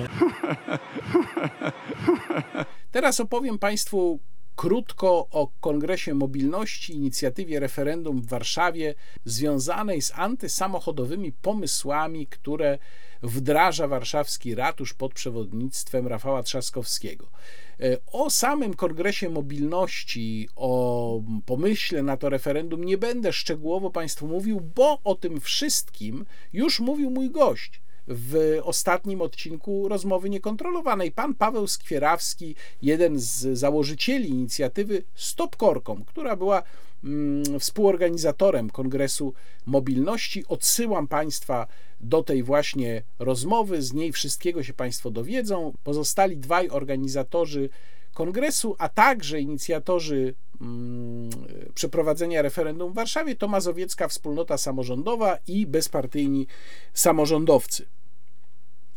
Plan jest taki, żeby skierować do Rady Warszawy w tej chwili wniosek o przeprowadzenie referendum, w którym obywatele, mieszkańcy Warszawy będą mieli odpowiedzieć na sześć pytań, brzmiących może na pierwszy rzut oka niezrozumiale, ale one są sformułowane w taki sposób, żeby musiały wywołać skutki prawne i y, te sześć pytań dokładnie dotyczy właśnie różnych elementów antysamochodowej polityki, a więc wprowadzenia strefy czystego transportu, a więc y, tworzenia buspasów, wprowadzania dróg dla rowerów, y, likwidacji miejsc parkingowych itd., tak itd. Tak Wniosek do Rady Warszawy o przeprowadzenie tego referendum można sobie ściągnąć, wydrukować i zbierać na nim podpisy, ale uwaga osób, które są zameldowane w Warszawie, e, podaję link do tego wniosku w opisie filmu, również link do takiej gazetki, która tłumaczy te pytania mm, referendalne. No i bardzo namawiam, żeby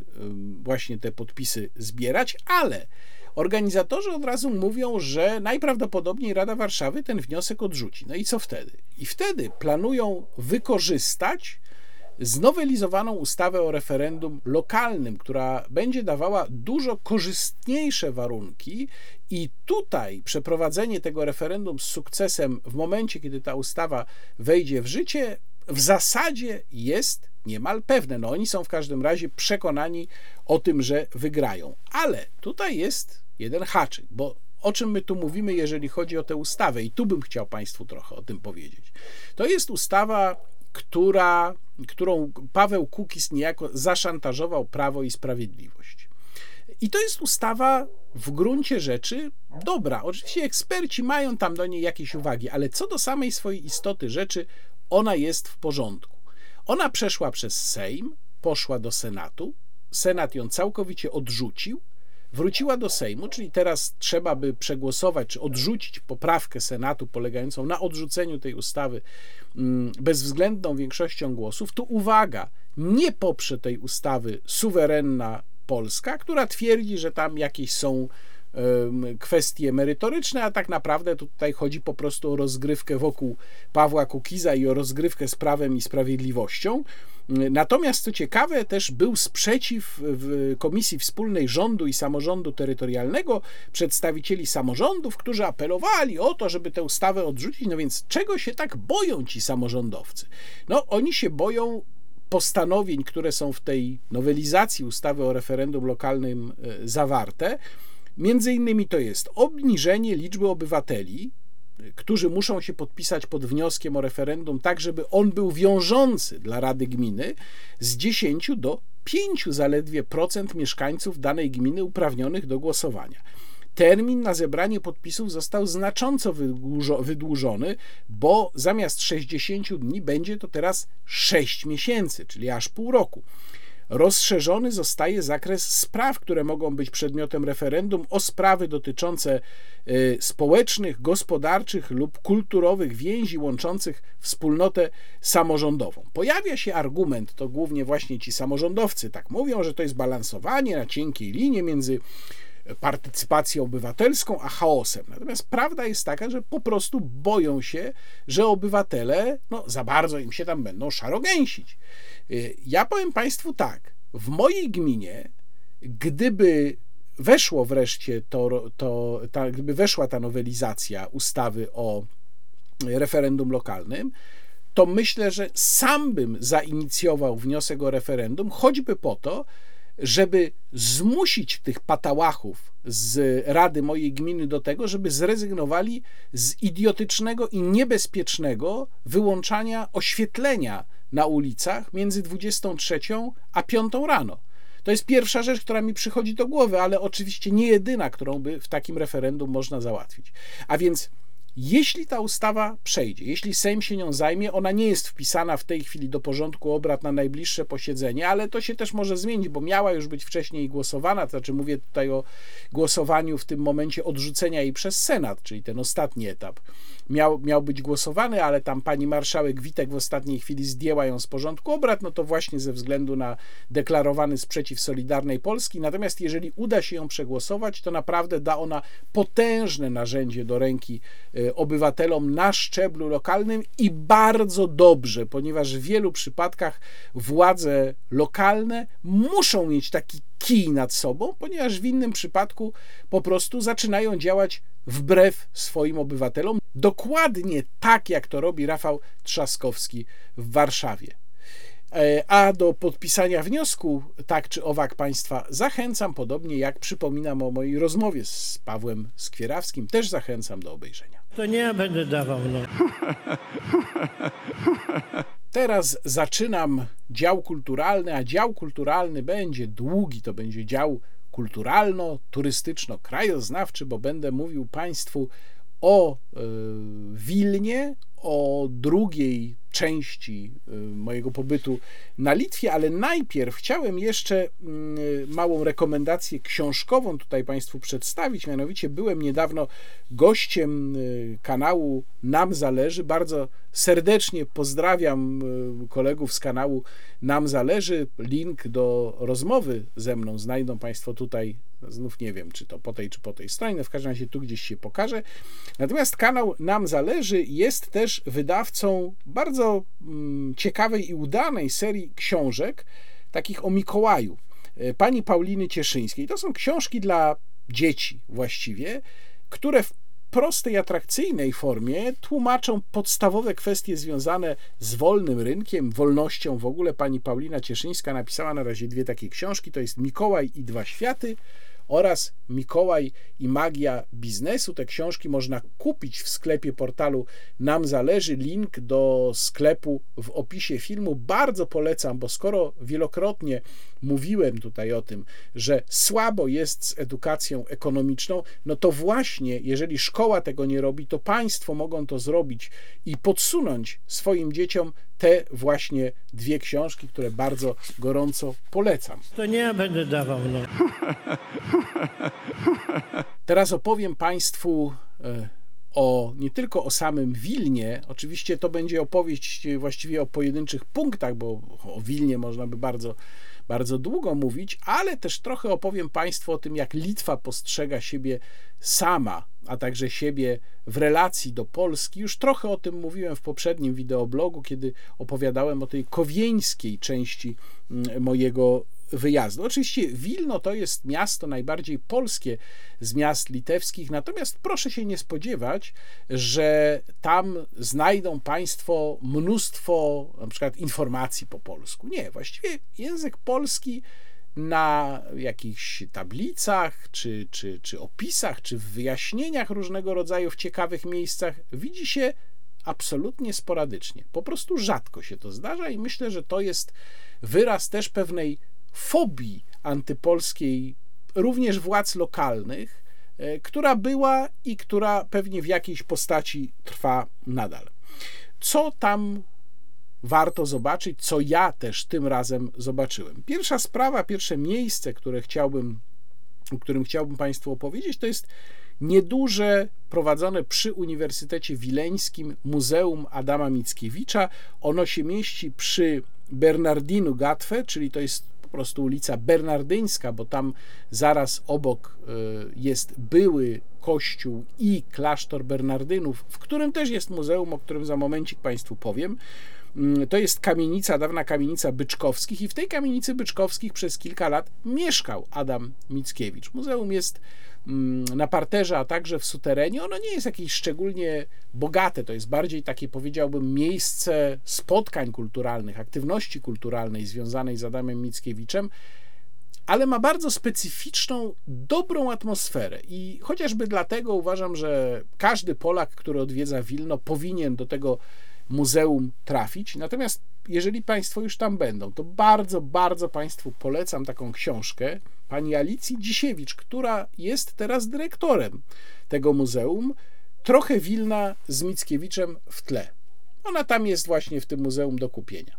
Książka jest po prostu znakomita. To jest pełna anegdot, a także bardzo bogato ilustrowana y, książka opowiadająca o, no nie wiem jak ją widać, o teraz widać lepiej, książka opowiadająca o najróżniejszych aspektach, elementach nie tylko z życia samego Mickiewicza, ale też mm, z y, atmosfery, z, ze społecznego życia Wilna, Litwy w czasach właśnie Mickiewicza. I tutaj mowa jest o tak różnych elementach, jak y, no, mm, kwestie, powiedziałbym, toaletowo-ubikacyjne w tamtych czasach, ale także o sprawach dotyczących prywatnego życia Mickiewicza, czyli jest mowa o jego no, dziwnym, można powiedzieć, związku z Marylą Wereszczakówną, potem Putkamerową, o tym, jak ten związek się zakończył, jakie on potem miał znaczenie.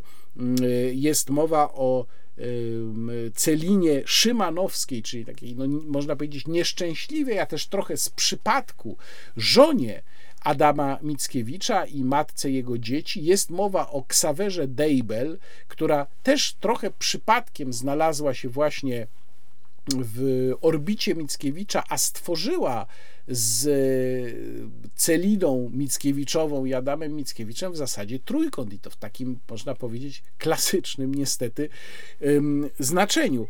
Więc bardzo dużo tego typu wątków, natomiast szczególnie interesujące e, jest też to, co pisze pani Dzisiewicz na temat tego, jak dzieci Adama Mickiewicza po jego śmierci zaczęły niszczyć, mówię w sensie fizycznym, niszczyć spuś część spuścizny po nim, tej archiwalnej, po to, żeby zachować jego pomnikowy wizerunek.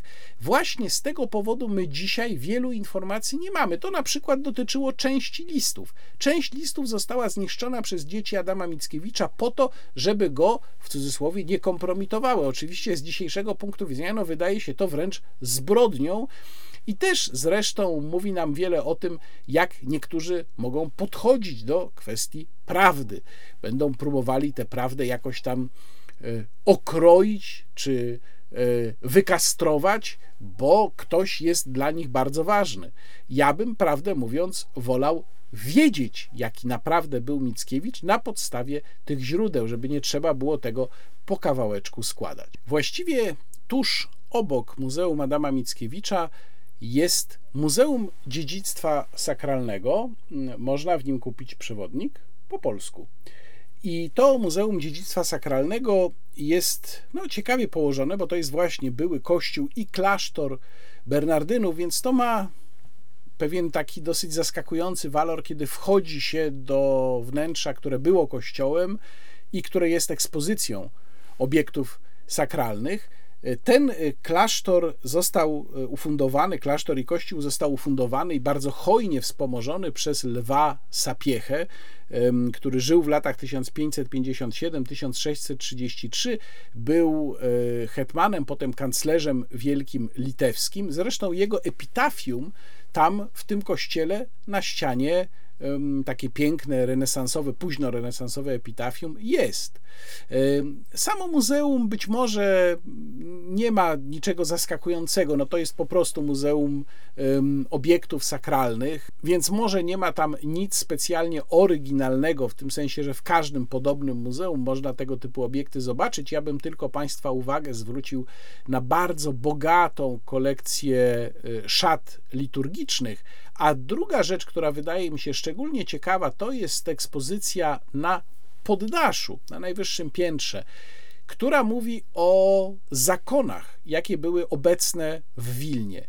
I muszę powiedzieć, że chyba łatwiej byłoby znaleźć zakon, którego w Wilnie nie było. Ja próbowałem liczyć, o ilu zakonach tam jest mowa.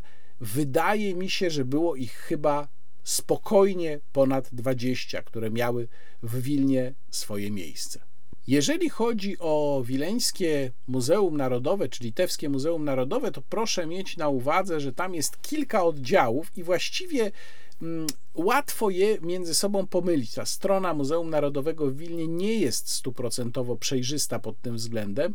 Jeżeli chodzi o Narodową Galerię Obrazów, tak to się nazywa, to można ją sobie właściwie darować. Natomiast y, ciekawe miejsce w ramach Muzeum Narodowego to jest y, muzeum położone w Pałacu Radziwiłłów, dawnym Pałacu Radziwiłłów. Tam ono jest podzielone na dwie części. Jest budynek, w którym jest część dotycząca sztuki współczesnej i jest budynek, w którym jest galeria dawnych mistrzów. W tej części dotyczącej sztuki współczesnej, poza no, taką dosyć e, zadziwiającą, ale nawet może i hipnotyzującą, wielką filmową instalacją, no nie będę właściwie tego opowiadał, bo to nawet trudno jest to powiedzieć. Jak ktoś chce zobaczyć, to to, to zobaczy. Była też, i to jest ciekawostka, była też wystawa y, sowieckich, czy może bardziej rosyjskich artystów antysystemowych z lat ich sztuki, z lat 70. i 80. I ja nie mówię o tym, że sama ta sztuka była ciekawa, bo to taka no, awangarda, której ja nie jestem wielbicielem, czy w ogóle nie jestem wielbicielem sztuki współczesnej, ale co innego mnie y, tutaj zafrapowało, że na Litwie która przecież w tej antyrosyjskości w zasadzie ściga się z Polską, w muzeum może być wystawa artystów rosyjskich. Co prawda antysystemowych, czyli tych, którzy protestowali przeciwko sowieckiemu systemowi, próbowali działać poza tym systemem, ale proszę sobie spróbować wyobrazić, że nawet taka wystawa gdzieś miałaby się odbyć w Polsce. No przecież to jest niemożliwe. U nas ten, przepraszam, zajob jest po prostu tak kompletny, że nic takiego by się nie odbyło, a na Litwie w Wilnie, w Muzeum Narodowym, proszę bardzo, coś takiego można pokazać.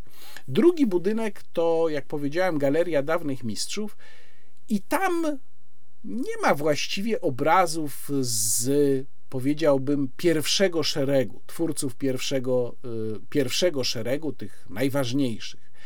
Natomiast jest to rzeczywiście jedna z najlepiej zaaranżowanych tego typu wystaw na jakich ja byłem, czy muzeów najlepiej zaaranżowanych, w jakich byłem. Sale y, tworzą pewną opowieść. Odwołują się nie do okresów, ale odwołują się do motywów w sztuce. Wszystkie są utrzymane, każda w innym, ale w jednym kolorze. Nawet opisy obrazów są w tym kolorze. Okna są całkowicie zasłonięte. To jest tak, jakby się wchodziło do takiego obitego pluszem wielkiego pudła, w którym te obrazy poświęcone danej, danemu motywowi w sztuce wiszą. Czyli te motywy to jest e, na przykład sen, to jest na przykład wojna, to jest na przykład przysięga. Bardzo ciekawie jest to ułożone. Bardzo mocno tę galerię polecam. Ona naprawdę robi duże wrażenie. Jest tam również sala, gdzie przechowywane są, czy eksponowane są, y, to oczywiście tylko część z nich, dzieła, które trafiły do Wilna na przechowanie, przede wszystkim z Lwowskiej Galerii Sztuki, czyli z Ukrainy. Bardzo ciekawa y, wystawa. One są na takiej dużej ścianie mm, powieszone, poza jednym, który jest no, absolutną perełką tej kolekcji przechowywanej tymczasowo w Wilnie to jest y, zapłata, obraz Georgesa de la Tour, czyli jednego z najbardziej znanych karawagionistów. Y, zresztą to widać od razu, no wystarczy spojrzeć na ten obraz, to jest po prostu jak Caravaggio, rzeczywiście wybitny malarz i, i wybitny obraz. A zatem Pałac Radziwiłłów bardzo mocno polecam. Parę słów na temat wileńskiej bazyliki katedralnej pod wezwaniem świętych Władysława i Stanisława ona może zaskoczyć przede wszystkim ascetycznym, niektórzy nawet wprost mówią nudnym wnętrzem. Z zewnątrz to jest budynek klasycystyczny. Ja w ogóle nie jestem wielbicielem klasycyzmu. Klasycyzm w architekturze, muszę przyznać, nudzi mnie. Natomiast patrząc na ten kościół i od zewnątrz, i od wewnątrz, pomyślałoby się, a no to jest właściwie taki nowy kościół. No, względnie nowy w kategoriach europejskich, czyli tam powiedzmy 200-300-letni. Natomiast to nieprawda. E, to są pozory, bo ten kościół był przebudowywany, odbudowywany również po pożarach wielokrotnie, a pierwsze, pierwsze e, wzmianki o kościele w tym miejscu pochodzą już z XIII wieku. Ta obecna klasycystyczna postać pochodzi z przebudowy kościoła jeszcze gotyckiego, chociaż wewnętrzny układ trójnawowy jest zachowany właśnie ze świątyni gotyckiej, a mm, fundatorem tej ostatniej przebudowy w duchu klasycystycznym był, co ciekawe, biskup Masalski. To ten sam biskup, który w 1794 roku e, został powieszony przez lud warszawski za e, zdradę. Jednym punktem, który z całą pewnością w bazylice katedralnej jest wart zobaczenia, a nawet jest po prostu koniecznością, jest kaplica świętego Kazimierza. Mowa oczywiście o świętym Kazimierzu Jagiellończyku. To jest kaplica zbudowana na wzór kaplicy Zygmuntowskiej na Wawelu i w niej pochowany jest król Aleksander Jagiellończyk. Jest to jedyny polski król, który właśnie w Wilnie znalazł swój mm, grób, swoje miejsce spoczynku.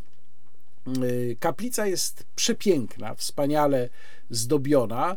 Y, taka ciekawostka, na górze też jest balkon, taka loża dla króla, do której on mógł dojść bezpośrednio specjalnym przejściem z zamku, który w zasadzie prawie dotyka do katedry. Oczywiście dzisiaj ten zamek to jest tylko, można powiedzieć, replika dawnego zamku wielkoksiążęcego wileńskiego, natomiast, bo ten prawdziwy zamek został zrujnowany już ostatecznie w XIX wieku, Litwini go odbudowali y, i y, otwarli zaledwie kilka lat temu. Natomiast kiedyś wychodziło z niego przejście specjalne takim, takim balkonem, na tę lożę w kaplicy mm, świętego Kazimierza, a zostało to wybudowane ze względu na bezpieczeństwo monarchy e, w konsekwencji zamachu na króla Zygmunta III Wazę, który to zamach przeprowadził niejaki Michał Piekarski. I było to w roku 1600 XX. To właśnie od tego zamachu, nawiasem mówiąc, pochodzi powiedzenie bredzić jak piekarski na mękach, bo piekarski, który był zresztą niespełna rozumu, podobno po jakimś y, upadku w młodości na głowę, y, miał takie przekonanie, że to król jest winien jego nieszczęściom, a konkretnie temu, że on tam był ubezwłasnowolniony i y, kolejne osoby zostawały kuratorami jego majątku. No to jest w ogóle zupełnie osobna historia, nie z Wilna, tylko z Warszawy, ale taka ciekawa właśnie w 1620 roku Michał Piekarski zaczaił się na króla przy drzwiach warszawskiej archikatedry z takim czekanikiem małym i tam próbował go tym czekanikiem dosięgnąć, ale król szczęśliwie został tylko bardzo lekko draśnięty. No a Michał Pikarski został zidentyfikowany, został potem poddany torturom, próbowano y, na nim wymusić y, stwierdzenie, czy on z kimś współdziałał, ale on z nikim nie współdziałał, był po prostu chory na umyśle, prawdopodobnie dzisiaj by po prostu trafił na obserwację psychiatryczną i do szpitala psychiatrycznego, ale to były inne czasy, więc ostatecznie została na nim wykonana bardzo brutalna egzekucja za próbę mm, y, królobójstwa. No ale jak mówię, to jest zupełnie inna historia, mówiłem tylko o genezie tej, tej loży w y, kaplicy świętego Kazimierza w Wilnie. I jeszcze jedna ciekawostka z tej kaplicy. Tam portret Kazimierza Jagiellończyka, który jest na y, ołtarzu, y, ma trzy ręce. Kazimierz Jagiellończyk ma trzy ręce na tym obrazie i legenda głosi, że pomylił się malarz, chciał jedną tę rękę zamalować, ale ilekroć ją zamalowywał, to tylekroć ona się y, pojawiała spod tej farby, no i okazało się, że to widocznie taka jest wola świętego i y, ostatecznie zrezygnowano z tego zamalowywania.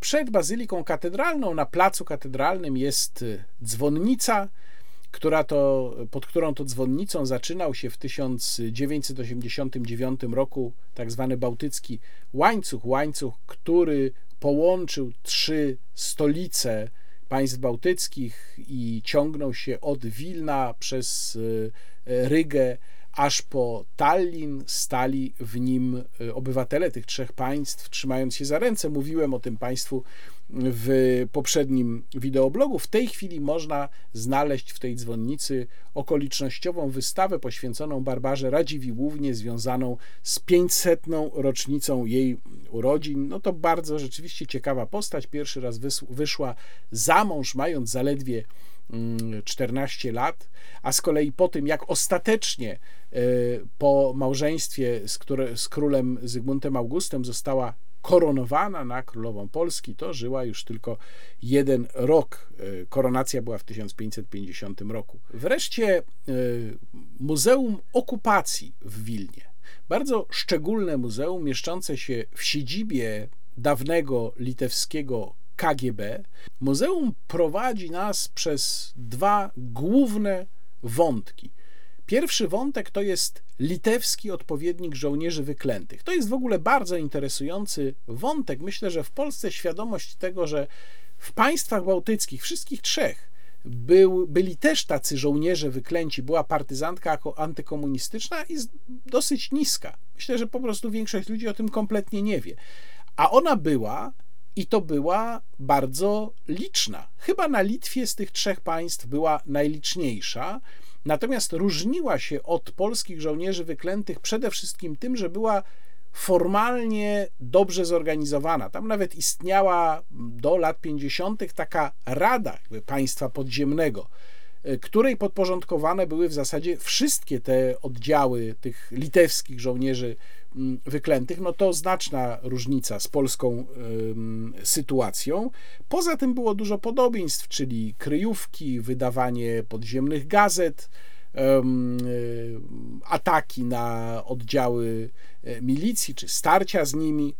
E, natomiast ten drugi wątek to jest obecność właśnie samych służb, przede wszystkim właśnie KGB na Litwie. I tutaj no, podstawowa różnica z sytuacją polską jest taka, że litewskie KGB było na gorącej linii z moskiewskim KGB, czyli ze swoją centralą. To jednak była dosyć zasadnicza różnica pomiędzy sytuacją kraju, który był sowiecką republiką, czyli właśnie Litwy, a kraju, który taką sowiecką republiką nie był.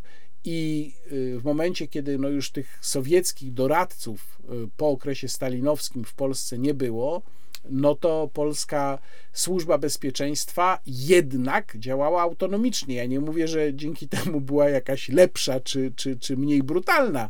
Natomiast no nie było to jednak bezpośrednie podporządkowanie Moskwie tak ścisłe, jak to miało miejsce właśnie w republikach y, sowieckich. Ciekawostka jest taka, że KGB zostało na Litwie zdelegalizowane w 1990 roku, w momencie kiedy Litwa ogłosiła swoją niepodległość, ale de facto zwinęło się dopiero w 1991 roku, po nieudanym puczu Janajewa, kiedy upadł Związek Sowiecki. I to w ogóle przypomina, że Litwa przez ten rok, pomiędzy rokiem 90 a 91, była w takim, powiedziałbym, czyśćcu politycznym. Pomiędzy ogłoszeniem swojej niepodległości, która nie była uznawana przez Moskwę, a sytuacją, kiedy upadł już Związek Sowiecki. No stąd mieliśmy pomiędzy tymi momentami między innymi e, tę na szczęście nieudaną próbę e, zdławienia tego, tej niepodległości państw bałtyckich w, na Litwie. No to przybrało postać tragiczną, między innymi ataku na wieżę e, telewizyjną w Wilnie. Natomiast to Muzeum Okupacji, ono też pokazuje nam, powiedziałbym, taką problematyczną warstwę relacji y, polsko-litewskich.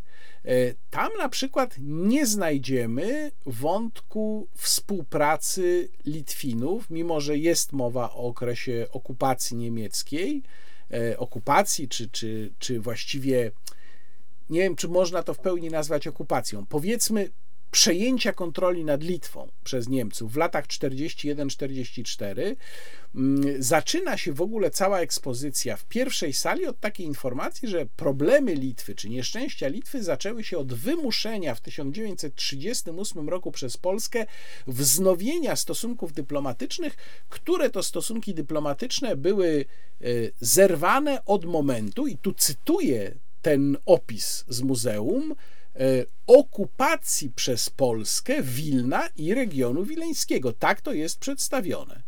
Mm, jeżeli Państwo będą szukali na przykład informacji o współodpowiedzialności litewskiej za zbrodnie w Ponarach, no to jej Państwo tam nie znajdą.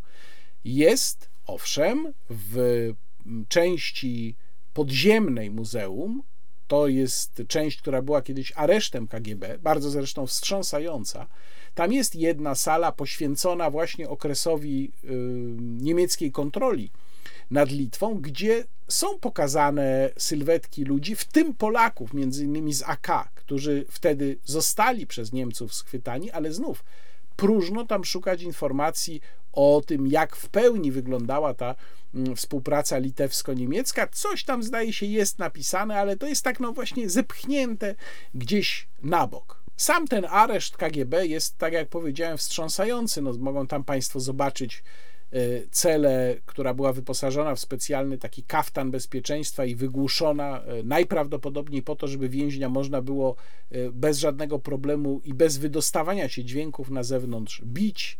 Jest tam cela, która służyła torturze wodnej, trzeba było stać, więzień musiał stać na ogół nago na takiej wysepce, e, wokół której była rozlana woda. Jeżeli tylko się przewrócił, no to wpadał do tej wody. Ale to w sumie nie jest coś wyjątkowego, no, w tym sensie, że w Polsce podobne metody Służba Bezpieczeństwa, wcześniej Urząd Bezpieczeństwa stosowały.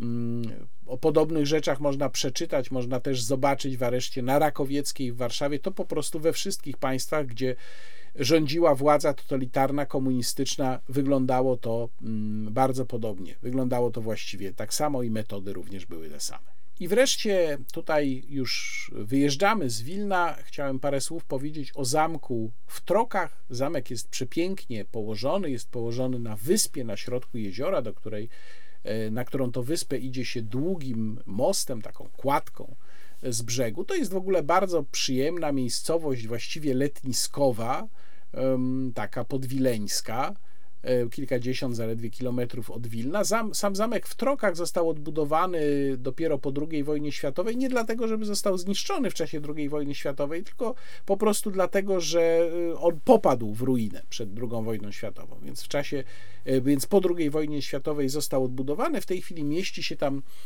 muzeum bardzo interesujące, e, muzeum, które tam istnieje, jeżeli dobrze pamiętam, od lat 70. i rzeczywiście ma wiele niezwykle mm, imponujących kolekcji. Jest na przykład wspaniała kolekcja fajek. No, ja jako fajczarz, to pewnie widzą Państwo te, nie, po tej stronie, te fajki e, tutaj, o, tu, tu, tu tu, tu, tu za moimi plecami.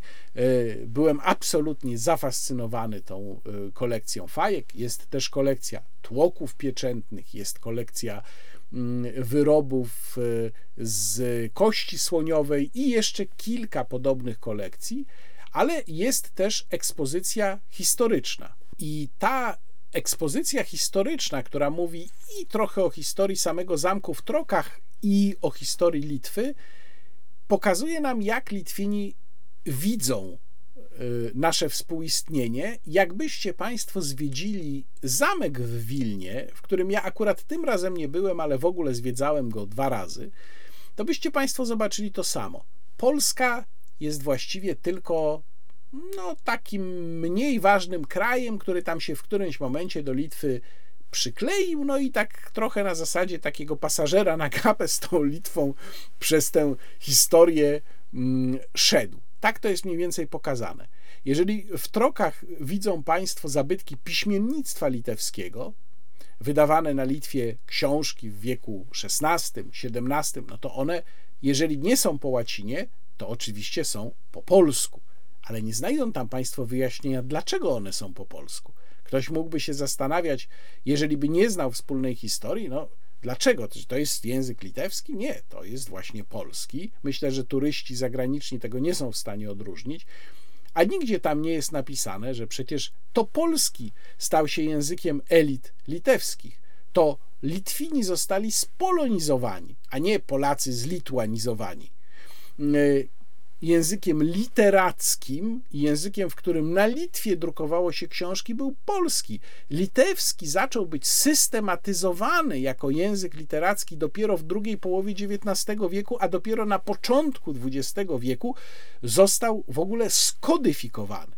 Więc no, to jest takie ciekawe spojrzenie y, ze strony litewskiej, które też pokazuje, że trudno bardzo, nawet jeżeli się nie ma jakichś takich dramatycznych wzajemnych sporów, szczęśliwie, jak my nie mamy z Litwinami. No mamy te trudniejsze fragmenty historii, rzeczywiście, z dwudziestolecia międzywojennego, z czasów wojennych, ale to nie jest szczęśliwie ta skala, którą mieliśmy na przykład z Niemcami, czy też z Ukraińcami. To jest jednak mniejsza szczęśliwie skala. Więc nawet jeżeli się ma takie karty historii, bardzo trudno jest znaleźć taką zupełnie wspólną wizję tej historii. Ona zawsze będzie subiektywna. I ja napisałem o tym większy tekst w Rzeczpospolitej. Link zamieszczam w opisie filmu, w którym to y, tekście między innymi wspomniałem o tym, że Nieopodal Ostrej Bramy, mm, na takim skwerze, gdzie jest ogródek restauracji, w którym się zawsze roi od Polaków, no bo obok Ostrej Bramy, przy ulicy Ostrobramskiej, czyli Auschrosch Wartu, Gatwę, jest zawsze dużo Polaków mm, i tam jest taki mm, pomnik. Taki nowoczesny pomnik y, przedstawiający zażywnego pana z laseczką, stojącego stosunkowo niewysoko nad chodnikiem, i to jest, y, mało kto oczywiście mm, sprawdza, kto to jest z Polaków, którzy tam przychodzą albo przechodzą, a to jest pan doktor Jonas Basanowiczius, czyli Jan Basanowicz, mówiąc po polsku. I ten Jan Basanowicz to był urodzony w 1851 roku litewski aktywista i publicysta, który za przyczynę nieszczęść Litwy uważał właśnie Polskę, a także Kościół katolicki. I na przykład w wydawanym przez siebie piśmie zamiast polskich szy i czy wprowadził te litewskie do dziś stosowane litery, czyli S i e, C z, takimi, z takim ptaszkiem. E, no, to pokazuje właśnie, że w, mamy historię, mnóstwo wspólnej historii, która mm, jest generalnie powodem do chwały. Mamy stosunkowo mało momentów nieporozumień albo jakichś tragedii, gdzie robiliśmy sobie nawzajem krzywdę, a mimo to, jak się okazuje, trudno jest bardzo napisać wspólną historię. I myślę, że to jest cenna refleksja, która powinna nam również w przypadku kwestii ukraińskiej trochę otworzyć oczy. Bardzo Państwu dziękuję za dzisiaj. Dziękuję za wszystkie subskrypcje, polubienia, komentarze. Bardzo nisko kłaniam się swoim mecenasom i oczywiście namawiam Państwa, żebyście właśnie mecenasami tego kanału zostali, jeżeli uważają Państwo, że robię tutaj coś wartościowego. Serdecznie pozdrawiam, do zobaczenia i nisko się Państwu kłaniam. Łukasz Warzecha.